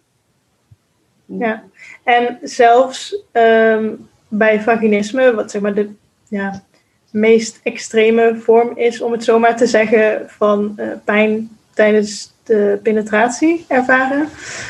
Um, zelfs daar kan vaak wel um, wat aan gedaan worden. En ook dat kan opgelost worden. Dus uh, mocht je dit luisteren en daar last van hebben, verlies niet de hoop, want er, er, is, er is vaak toch wel echt wel wat aan te doen. Mm. Ja, dat is Mocht je dat willen natuurlijk. Ik heb daar een vraagje over. Um, ja, van wanneer kun je het eigenlijk als een probleem gaan, en, allee, gaan bekijken, om het zo te zeggen? Want allee, ik, als ik zoiets zelf zo voor heb, stel ik ben een vrouw, dan zou ik denken van, ah, dat, dat, is, allee, dat is geen probleem. Allee. Mm. Um, dat is eigenlijk heel, zo. Als ik het mag zeggen, we gingen door elkaar beginnen babbelen. Uh, eigenlijk is dat heel simpel. Wij zeggen een probleem is een probleem als het een probleem is. En dat wil zeggen, als je er last van ervaart. Um, net hetzelfde, ik ga nu eventjes op um, mannelijke seksuele problemen springen. Stel bijvoorbeeld erectiestoornissen. Jij bent een man met een erectiestoornis, maar jij hebt daar geen last van, dan is dat geen probleem. Dan moet jij daar in principe, allez, jij of je partner, want je zit natuurlijk wel in een, eh, in een totaliteit, als jij, je partner of je relatie er geen last van heeft, dan uh, moet je daar in principe niet... Allee, moeten, niemand moet ooit iets. Dat is misschien een beetje verkeerde woordkeuze. Uw vraag was, wanneer is iets een probleem? Een probleem is een probleem als het een probleem is. En als je er last van hebt en als je eronder lijdt. En op dat moment is het wel echt aangewezen om hulp te gaan zoeken. Ik denk, want dat is in de psychologie natuurlijk ook zo, hè? of in ieder geval heel vaak wel, dat het mensen komen om hulp vragen als ze het als probleem ervaren. En pas dan kun je ook een diagnose stellen van oké, dit de persoon heeft hier last van. Um, en ja, zo is dat met dit soort dingen denk ik ook inderdaad. Ja, DSM-criterium. Die goede oude DSM. Bedoel, vooral voor de mensen die niet echt naar, allee, durven te zo, allee, zouden durven zeggen. En zo een beetje dat weg zouden duwen of zo. Ja. Dat ook eens. Ja, ik denk dat je het vooral voor jezelf heel erg moet nagaan van oké, hoeveel, hoeveel last heb ik hiervan? Um, of inderdaad, wat Lotte zei, als het um, je relatie gaat beïnvloeden of je partner heeft er last van. Het is echt gewoon super persoonlijk eigenlijk. Um, en ja, uiteindelijk als je er niks over durft te zeggen, maar het is wel een probleem, moet je misschien toch bij jezelf even nagaan van ja, hoe erg is dit probleem? Want uiteindelijk gaat er niks aan veranderen als je er niks mee doet, zeg maar. Hmm. Draait of keer veel van die dingen um, zijn gewoon niet objectief meetbaar. Bijvoorbeeld, ik denk aan iets van ja, pijn. Sommige pijnen eigenlijk bij vulvodynie hebben ze wel zo'n specifieke test die dan kan gescoord worden. Um, maar je vraagt nog steeds gewoon aan mensen hoeveel pijn heb je hier. Dus dat is, iets, dat is echt iets subjectief. En als je inderdaad vraagt aan ons wanneer is iets een probleem, ja, dat is, een heel, dat is gewoon een heel moeilijke vraag. Iemand kan komen met iets dat voor die persoon een probleem is, terwijl dat, dat voor een andere, eh, een andere persoon gewoon iets heel klein is. Maar dat kan wel heel zwaar wegen op die eerste persoon. Dus dat is echt iets heel subjectief. Ja. Maar zoals Lotte eerder ook al zei, het meeste kan opgelost worden als je daar actief mee bezig gaat en hulp zoekt daarvoor. Mhm. Ehm, dus je hoeft niet met je problemen te blijven zitten. Er, er zijn mensen, zoals seksuologen, gespecialiseerd in dat soort dingen, ehm, die jou daar echt aan bij kunnen helpen. En zelfs als het voor jou heel erg heftig lijkt of zo, dan is daar vaak echt wel iets aan te doen.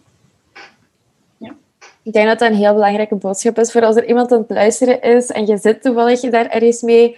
Ga zeker, zoek zeker hulp. Ga zeker praten met iemand. Allee, er zijn professionals die hierin zijn opgeleid en die gaan ook niet judgen of die gaan je ook niet vreemd bekijken of zo. Dat is letterlijk hun opleiding. Allee, zeker seksuologen. Dus stap er zeker naartoe en wie weet betert je leven daardoor. Allee, je, kunt er, je doet er niks fout mee, zeker niet ga ervoor. Ja, en het is natuurlijk lastig om dat soort dingen toe te geven of erover te praten, maar ehm, ja, dat komt dan ook weer terug op dat, dat het weer meer een taboe is natuurlijk. Ja. ja. Inderdaad, en zo is de cirkel wel rond. Um, ik denk dat we stilletjes kunnen afsluiten. We zijn ondertussen al een uur aan het babbelen. Het was een heel interessant gesprek. Um, Willen jullie nog een afsluitend woordje doen? Ik kijk naar jullie alle vier of ehm, sluiten we het zo af? Denk, ik hoop dat mensen uh, er wat aan gehad hebben en zich hopelijk wat comfortabeler voelen om over seksualiteit te praten. Ehm, of in ieder geval, als dat niet het geval is, dat ze in ieder geval al bij zichzelf wat meer, uh, zeg maar, daar opener over denken en wat sekspositiever zijn gaan denken. Ehm, dat, dat hoop ik dat mensen hieruit meenemen. Ja, en ik zou willen zeggen, um, in het algemeen, maar dat is niet omdat er nog iets heel recent in mijn hoofd zit. Um, spreek over uw ervaringen. Ik merk dat, dat dan via mijn Instagram-kanaal, krijg ik soms echt, als ik iets post, krijg ik dan soms een reactie van: Wow, is dat normaal? Ik dacht dat dat raar was. En dan denk ik echt, maar moesten wij nu een keer allemaal een beetje meer babbelen over seksualiteit en ons lichaam en onze lichamelijke sensaties, dan zouden er zoveel oei, ik ben raar gedachten gewoon zomaar poef verdwijnen. Ja. Dat zou echt gewoon al zoveel doen. Dus ik zou toch een beetje de boodschap willen geven, als je er comfortabel bij voelt, praat er wat meer over. En dan moet je niet tot in detail zijn, hè. maar praat erover. En als, en als je dat niet chill vindt, volg onze social media kanalen. Nee. nee, maar serieus, Lotte is super goed bezig met haar, um, met haar seksmythes doorbreken. En inderdaad ook op haar stories gewoon heel vaak dingetjes delen die mensen echt wel kunnen helpen. Ehm, dus dat. En oh, ja, ik, heb ik, ik deel op YouTube voornamelijk informatie. Um, zeg maar, het is sekspositieve sex education. Ehm, dus als je wat meer wil, wilt bijleren ook, dan uh, neem zeker een kijkje daar. Dus A Lot of Love en Sexology with Ilya. Kun je je helemaal op uitleven. nog content om nog wat bij te leren. Voor de mensen die Sex Education hebben gekeken op Netflix, we hebben onze eigenste Maeve hier.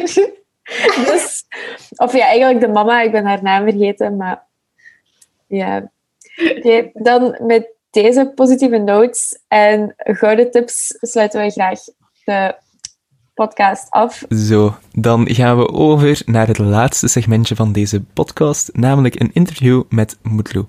Je kent hem misschien als de man die altijd geweldige koffies geeft in zijn zaak Le Moustache. Maar nu hebben we een interview met hem om een beetje hem op een andere manier te leren kennen. Enjoy! Uh, okay, hello everyone. Today we are here with uh, Mutlu from Le Moustache, um, a coffee store in the Tiense Straat. Um, I'm Dora. I'm going to be doing the interview today. And yeah, so let's start. Um, so, hello. Uh, can you introduce yourself for us, please? Of course. Hi. Uh, uh, first of all, welcome here, Dora. Uh, Thank you. I am Mutlu, uh, Mutlu Okumuş, the owner of the Le Moustache Coffee Bar. And um, I'm here to answer your questions and to help you guys. Thank you very much. Uh, so the first question I'll be asking you today is: Tell us more about yourself. Who are you? Uh, what is your relationship with Psychokring? How do we know each other? Okay. Who am I? Um, I'm. Uh, I, I came to Belgium in 2007, uh, and then now 13 years I'm living here. My wife is Belgium, and we met in Turkey, and we married here in Belgium, and then since then I'm living here. And now I have the mustache already six years, and then um, I'm I'm I'm running the I'm running the business. My wife is a teacher, and she's uh, uh, teaching at the school, and at the same time, I also two children, two uh, beautiful children, Esra and Louis. They are six and nine years old. And then my relationship with the Psychologie Kring is started when we opened the business here. I met with Casper. Casper was uh, the press, pre, how you call it, uh, the head of the Kring. Uh, Prezes. Prezes. President. Yeah, president, uh, president of the uh, and I met with him, and I say, ah, look, uh, I wanna talk with you, and I, maybe we can uh, make a deal and work together. And since then, I am uh, working with the uh, Kring together. I am uh, sponsoring you guys uh, every year. Thanks to the Casper. Shout out to Casper uh, for making this possible. Um, so I want to talk a little bit more about your name. Your name has a very beautiful meaning in Turkish. Well, I, I think so personally. Um, would you like to tell us more about it? Is there a story behind why your parents chose to name you that way? Because I know that Turkish parents care about the meaning of names. Uh, my yeah, my, my name is Mutlu. It means happy. Uh, it's like happy birthday to you or uh, happy new year. Uh, I think uh, I think my parents want me to be happy in my life. I think that's why they chose it uh, like this. Uh, I heard the story before me. Mom, mom, mom had a miscarriage, and then they were planning. It was it was a boy, and then they were planning to call him Hassan and then uh, it, it didn't go and then so uh, I, I came. And then they called me uh, happy. I think they were sad with the first miscarriage. And then uh, they want that uh, me to be happy and then them to be happy also. Ah, that's so very that's why i'm i'm also happy with my name because i'm trying to be happy always. That's it's giving me a positive boost Yeah, I always tell people when uh, when it, we're talking about Le Moustache, I'm always like, oh, his name means happy. That's so beautiful.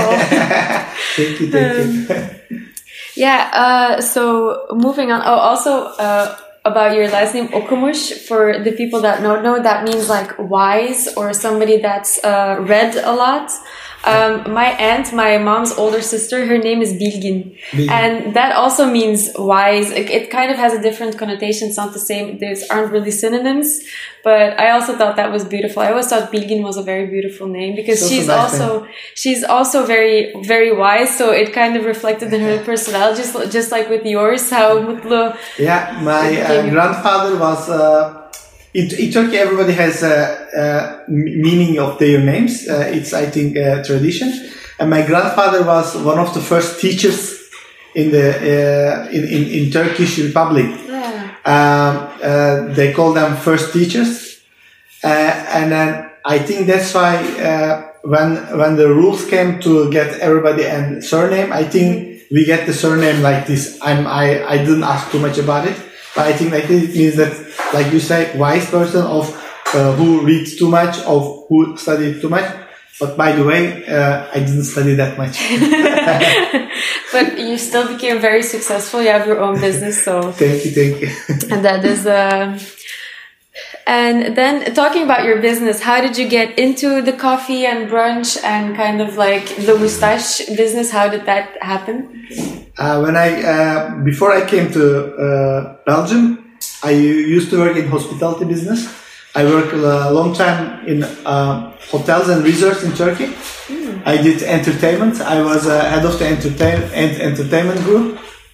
We were organizing uh, parties or, or, or the shows or the activities that you guys are seeing in these five star resorts. Uh, we, I was all doing these things. And then uh, when I m- moved here, uh, there was not much to do, so I had to choose something. I started to work in the brasserie uh, as a, a ser- ser- serving people, and then I worked uh, after one year working there, and I changed my job. I worked for the catering company in the airport at the airport.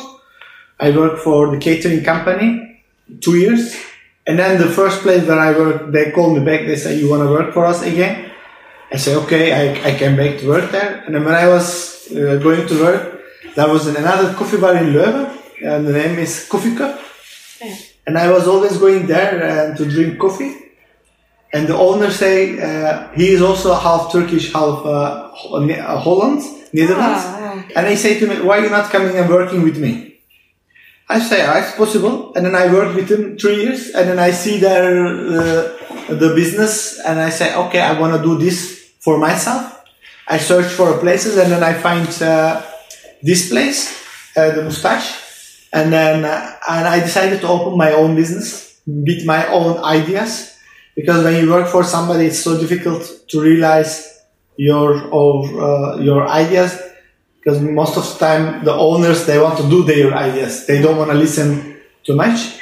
Um, so i say i will start my business and i will do what i like myself and then here in the mustache we are serving or we are selling or we are making ready everything that i like. There is nothing that i don't like that we sell. Even people want it too much. I don't put it to my menu because it has to be what i like. Because I, I have to also be happy when I'm doing these things and serving these things. Uh, that's just, that's the story how we started. The name, the logo, it was already in my mind long time, but uh, it was not sure. Is it going to be a coffee bar? Is it going to be a barber shop? Is it going to be a, a store where you buy souvenirs? Uh, the name and the logo was fixed, but what with this name and the logo was never sure, and it became a coffee bar. Oh wow, that's very interesting. Maybe if it went differently, we wouldn't be sitting in a coffee bar, but in, in a completely different store Yeah, with a maybe it was a clothing shops that I was selling jeans or t-shirts. I don't know. Yeah, then we would be um, encouraging our, our psychology students to be coming here to buy jeans instead of to drink coffee. Yes. yeah, that's very interesting. A very interesting story. And also, yeah, I understand the part about um, not being able to do your own thing because when you open your, I understand the your old uh, boss's idea too. Because when you have your own business, you want your own ideas to um, to be on the menu and to be served. But also, um, eh, when you're working for somebody else and you have, you think you have this amazing idea and they don't work with it, that can be frustrating sometimes. This is uh, a little bit of the le- leadership problem. So Yeah. um, we, sometimes I have this difficulty also here. Uh, my job students they are sometimes giving ideas, but it's difficult to admit the, uh, and get it and ch- change your system. Um, it, it, but people or we are uh, getting slowly, slowly with the time, uh, uh, shaping ourselves and uh, trying to listen more, and which is helping to to go in the right direction also. So it's important to listen also the people around you and to make so how you say creating ideas and then finding the best ones in, in, in it. Yeah, that's true. Very true. Um, and then I have to check my notes for a second there. Um, oh yeah, uh, talking about your business like this and your idea. What's it like uh, to be in the Corona pandemic and have a business in these times with the closing and then opening again and then opening only for takeaway and all those changing rules?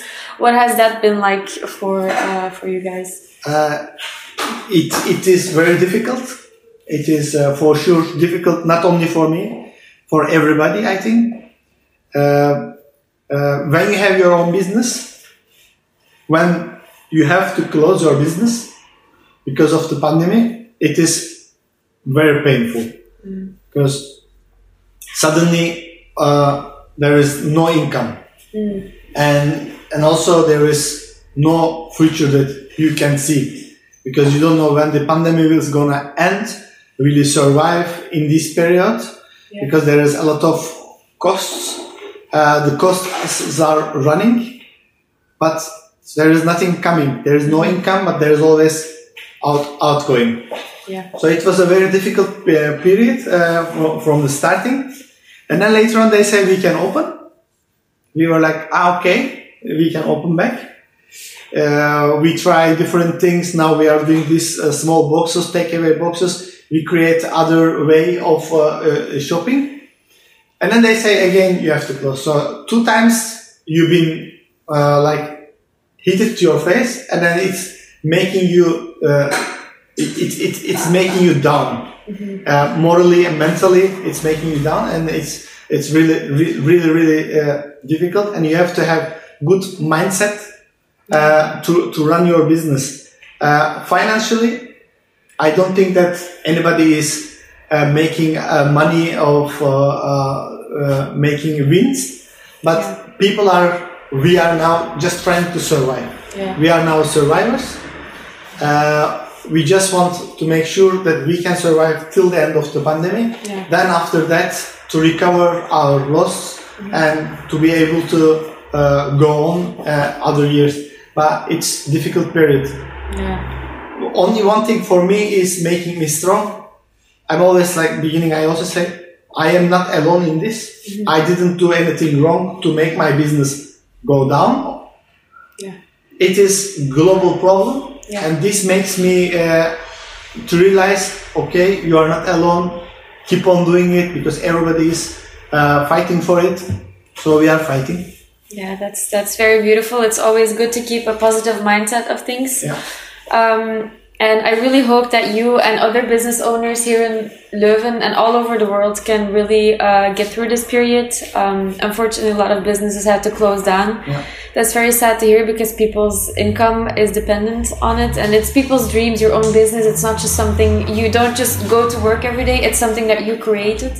So, um, yeah, I really hope that this, uh, with the new um, vaccination incoming, I really hope that that's going to help a lot and that this pandemic will be over. We hope Uh, also. We hope it's difficult. If you work for some company, somewhere, some government, Mm-hmm. it's not that big. Uh, it, it's a big issue for everyone. But then you get your salary. You Mm-hmm. Yeah. know that every month something is coming. But when you have your business, when there is, we are lucky that I was nearly planning this year to uh, in, invest in a, in my business to change some other things.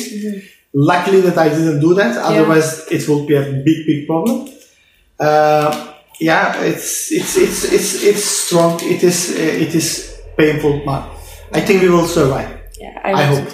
too. Fingers crossed. Yeah. Um, and then at the beginning, you talked about your children, the, your two children who are, for the listeners who aren't here, uh, Esra and Louis are also sitting here. Um, how has it been for them with school and with, uh, in the beginning, at the very first time schools closed down and then, uh, then they had to go back to school and then they had two weeks of vacation. How has that been for them? What has, um, what's changed for them? How was that like?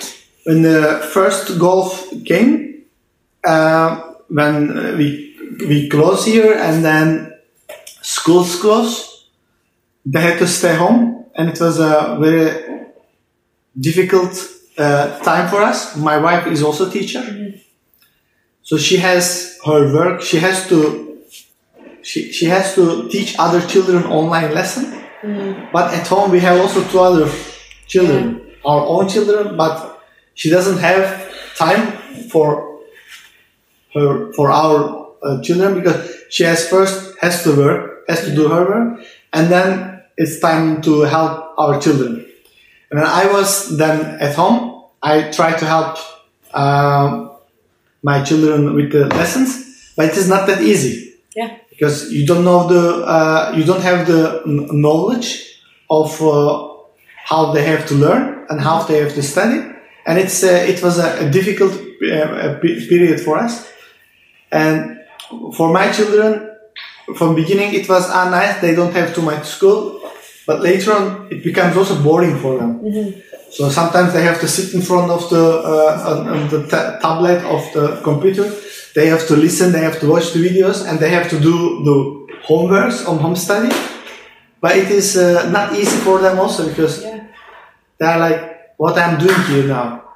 I'm studying, yeah, uh, but I don't have my friends around me. I don't have my teacher that controls me. I don't have uh, my teacher that when I'm writing of uh, calculating of uh, drawing things that's saying to me, if you do like this, it will be better. It will be uh, easier.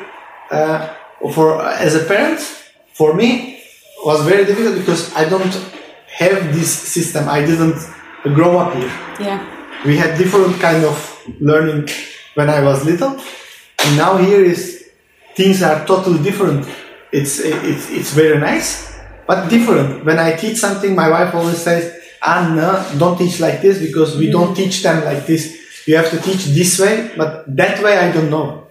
It was a it was a difficult period, and then because of my wife teachers, I know from other families, uh, it was also a very hard time for the parents who everybody maybe studied them, maybe they have high degrees, but doesn't matter when you have to teach your own child with the same rules of that they are learning at school. It's it's difficult. Um, yeah, hard times, but they are strong children. huh? They are uh, strong. They they did good. They study hard. Uh, they didn't. Uh, uh, prof- how I say profiteer. They didn't make advantage of not going to school. They sit and study. It was uh, it was good for them. That's I it was good that they study. It was not good that they were not at school. Yeah. I can imagine that makes you very proud to see that they, even though uh, it was very difficult for them to be doing everything on their own, that they still uh, did their job as kids because also little kids they want to play and they have speeltijd, um, they have playtime at school and not having that, not having your friends around and only studying, I think that's very hard for young kids, uh, um, especially. Yeah, it was So, a yeah. difficult time because my son he is now in the 2nd Mm-hmm. It was he just go to the second. So the beginning is important. You have to have the core. Yeah. But when when they had to when it was time to learn this core knowledge, he had to be home and then to learn alone. It was a hard time, but uh, he did good. Also, my daughter, uh, she was she was lucky that she can write, read, and everything. But uh, it, it was hard time. But we are also I we my family we are very lucky. My wife was a teacher, so when in the weekends of uh, later of the day she could extra teach them. But what about the families that no teachers at home? It was a hard time. For example, um, mostly for the foreigner families. There are in Leuven a lot of in Belgium. We can say a lot of foreigner families. Of the mother is not Belgium, of the father is not Belgium, or maybe both not Belgium, and it, it is very difficult for them. Yeah. Uh, yeah, I can imagine because as a parent, you have to do your own job uh, if you work at some kind of company, and then you have to also become a teacher for your ki- for your children because uh, they have to they either have to teach themselves because via uh, video uh, or online classes it's not the same for them. So all parents suddenly had two jobs, and on top of that, you have to clean your house and all of that. So I can imagine that it was difficult for parents too. and then you need to create also quality time. It's not Yeah. that easy because you are mentally exhausted, physically also, because uh, you can rest. You, you can be physically tired, you can rest, but when you're mentally tired, it takes a long time to rest. Yeah, it was uh, and it's it's this is now men, men, mentally tired this pe- period for everybody.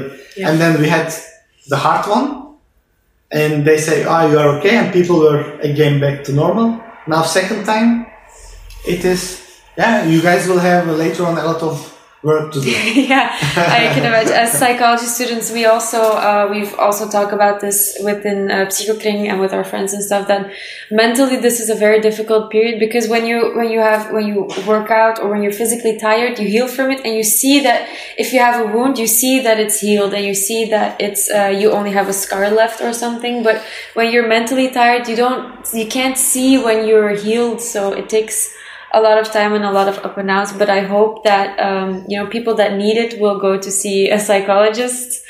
Um, I hope also. and that everybody will uh, come out of this difficult time. Um, there are always winners yeah. from every situations. I think yeah. these uh, winners will be the psychology psychology students because I, I, I know from my uh, first years there was lots of students studying psychology, but when they when they graduate, there is no work. Yeah, yeah. Now there will be work coming, so we have to look maybe you or you guys have to look maybe the positive side of this uh, pandemic that you will have work future later. Yeah, future. Than you had last two three years before. Yeah, that's true. And times are changing. The mindset is also changing. So in that aspect, psychology students don't be scared. you will have a job.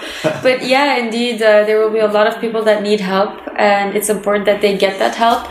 So yeah, um, but on a more positive note, uh, to close off yeah. this uh, little uh, sad uh, side effect of the pandemic, um, did you learn anything? Did you get any takeaways from this pandemic? For example, for me, it was um, that maybe sometimes online classes. Uh, in the years before, we had web lectures, and uh, professors would like record their class and put it online. Um, but some but some professors didn't do that. They didn't prefer doing that because they want the students to come to their uh, auditorium and during class. Um, now I think maybe professors learned that online and recordings aren't that bad. For me, I learned that you know sometimes when you have a meeting or something, or uh, you don't always have to have to go there. Some sometimes you can do it online. Sometimes you can do it uh, in real life. Um, so I think even after the pandemic, I will continue doing the online things. How has that been for you? Did you learn anything? Did you are you gonna implement something that you do? Um, with my uh, with my profession, with my job, it's difficult to do everything online. I, can, I cannot sell online coffee, so uh, it's it's a little bit uh, uh different. But uh, uh, what I learned from this is you you people or me. I realize what I'm missing. Mm-hmm. I realize what is important, what is purity, uh, these things. The, the, things that before we were thinking, uh, this I need, this I have to have. Uh, let's say, I need to have so much money. I have to earn a lot of money. I want to be rich. Everybody dreams about being rich. Yeah. Even the rich people didn't do anything in this mm-hmm. pandemic. Yeah. You have money, but you cannot do anything. All the places are closed, or you cannot go to the, you cannot take a plane and fly somewhere uh, you cannot buy a new car because the shops are also closed. so it realized not everything is material. Yeah. You need emotional, uh, uh, um, you, emotional well I, I, I learned from this pandemic. Mm-hmm. And also for a business side, I learned, uh, still learning, that you need to have reserve. Mm-hmm you need to have reserve and so you can go on for a long time. For a personal life, I learned that you need emotional will. Mm-hmm. These two things. For a business, you need to have money. Yeah. This is something. And then when you have your businesses running good, you don't have to make too much a crazy cost you don't have to spend the money that's coming to the business for things that not necessary for your business. Mm-hmm. You have to keep it on, on, the side. For the real life, for the for the life without uh, business, that you need emo- emotional, f- yeah. physically help. You need your children. You need your family. You need your parents. Mm-hmm. Uh, that that that we learn to be together strong and to have a strong mindset. This I learned. Yeah, I think that's a be- yeah beautiful lesson to learn from. Uh, I think we can all learn from that message that uh, sometimes you just need emotional uh, value of things and not necessarily uh, money or not necessarily material things. and just appreciate the people around you, appreciate the moments that you have, the things that you're able to do. Also, I uh, also there's a but sometimes I'm thinking if what happened if the mustache goes fight of uh, business go down and then I, I am plus and I, I learn to myself uh, still learning it that nothing will happen mm-hmm. even the mustache goes down and then that we cannot open next year mm-hmm. nothing will happen to me as long as I'm strong like we talked before as Yeah. long as my mentally strong Yeah. that I can always go work for someone, mm-hmm. go find another job. I can maybe start another business. We can always start from the beginning.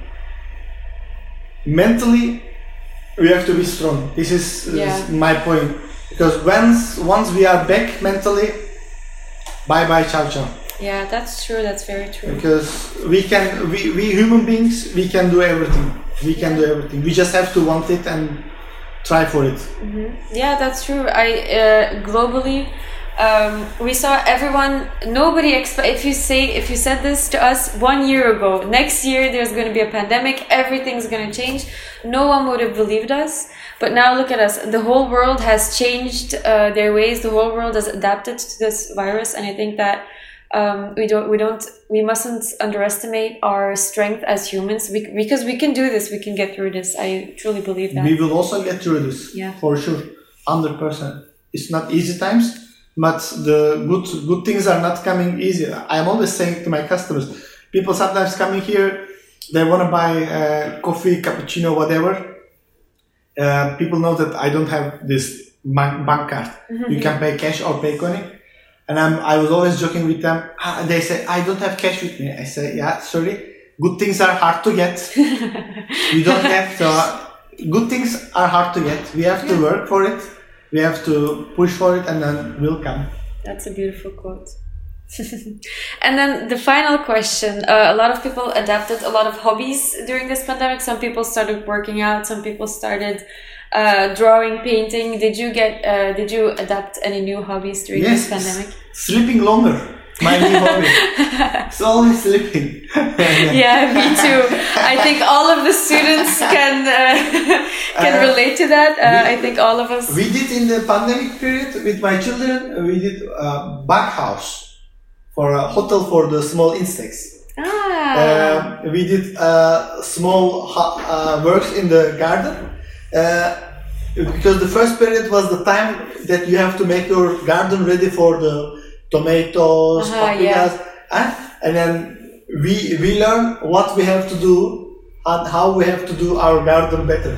This we learned it because we had uh, time yeah. uh, as a family and with the children. It, it was good and then also it was uh, uh, good for me that I spent extra time with my children. Otherwise, I am lo- lots of time here in the business.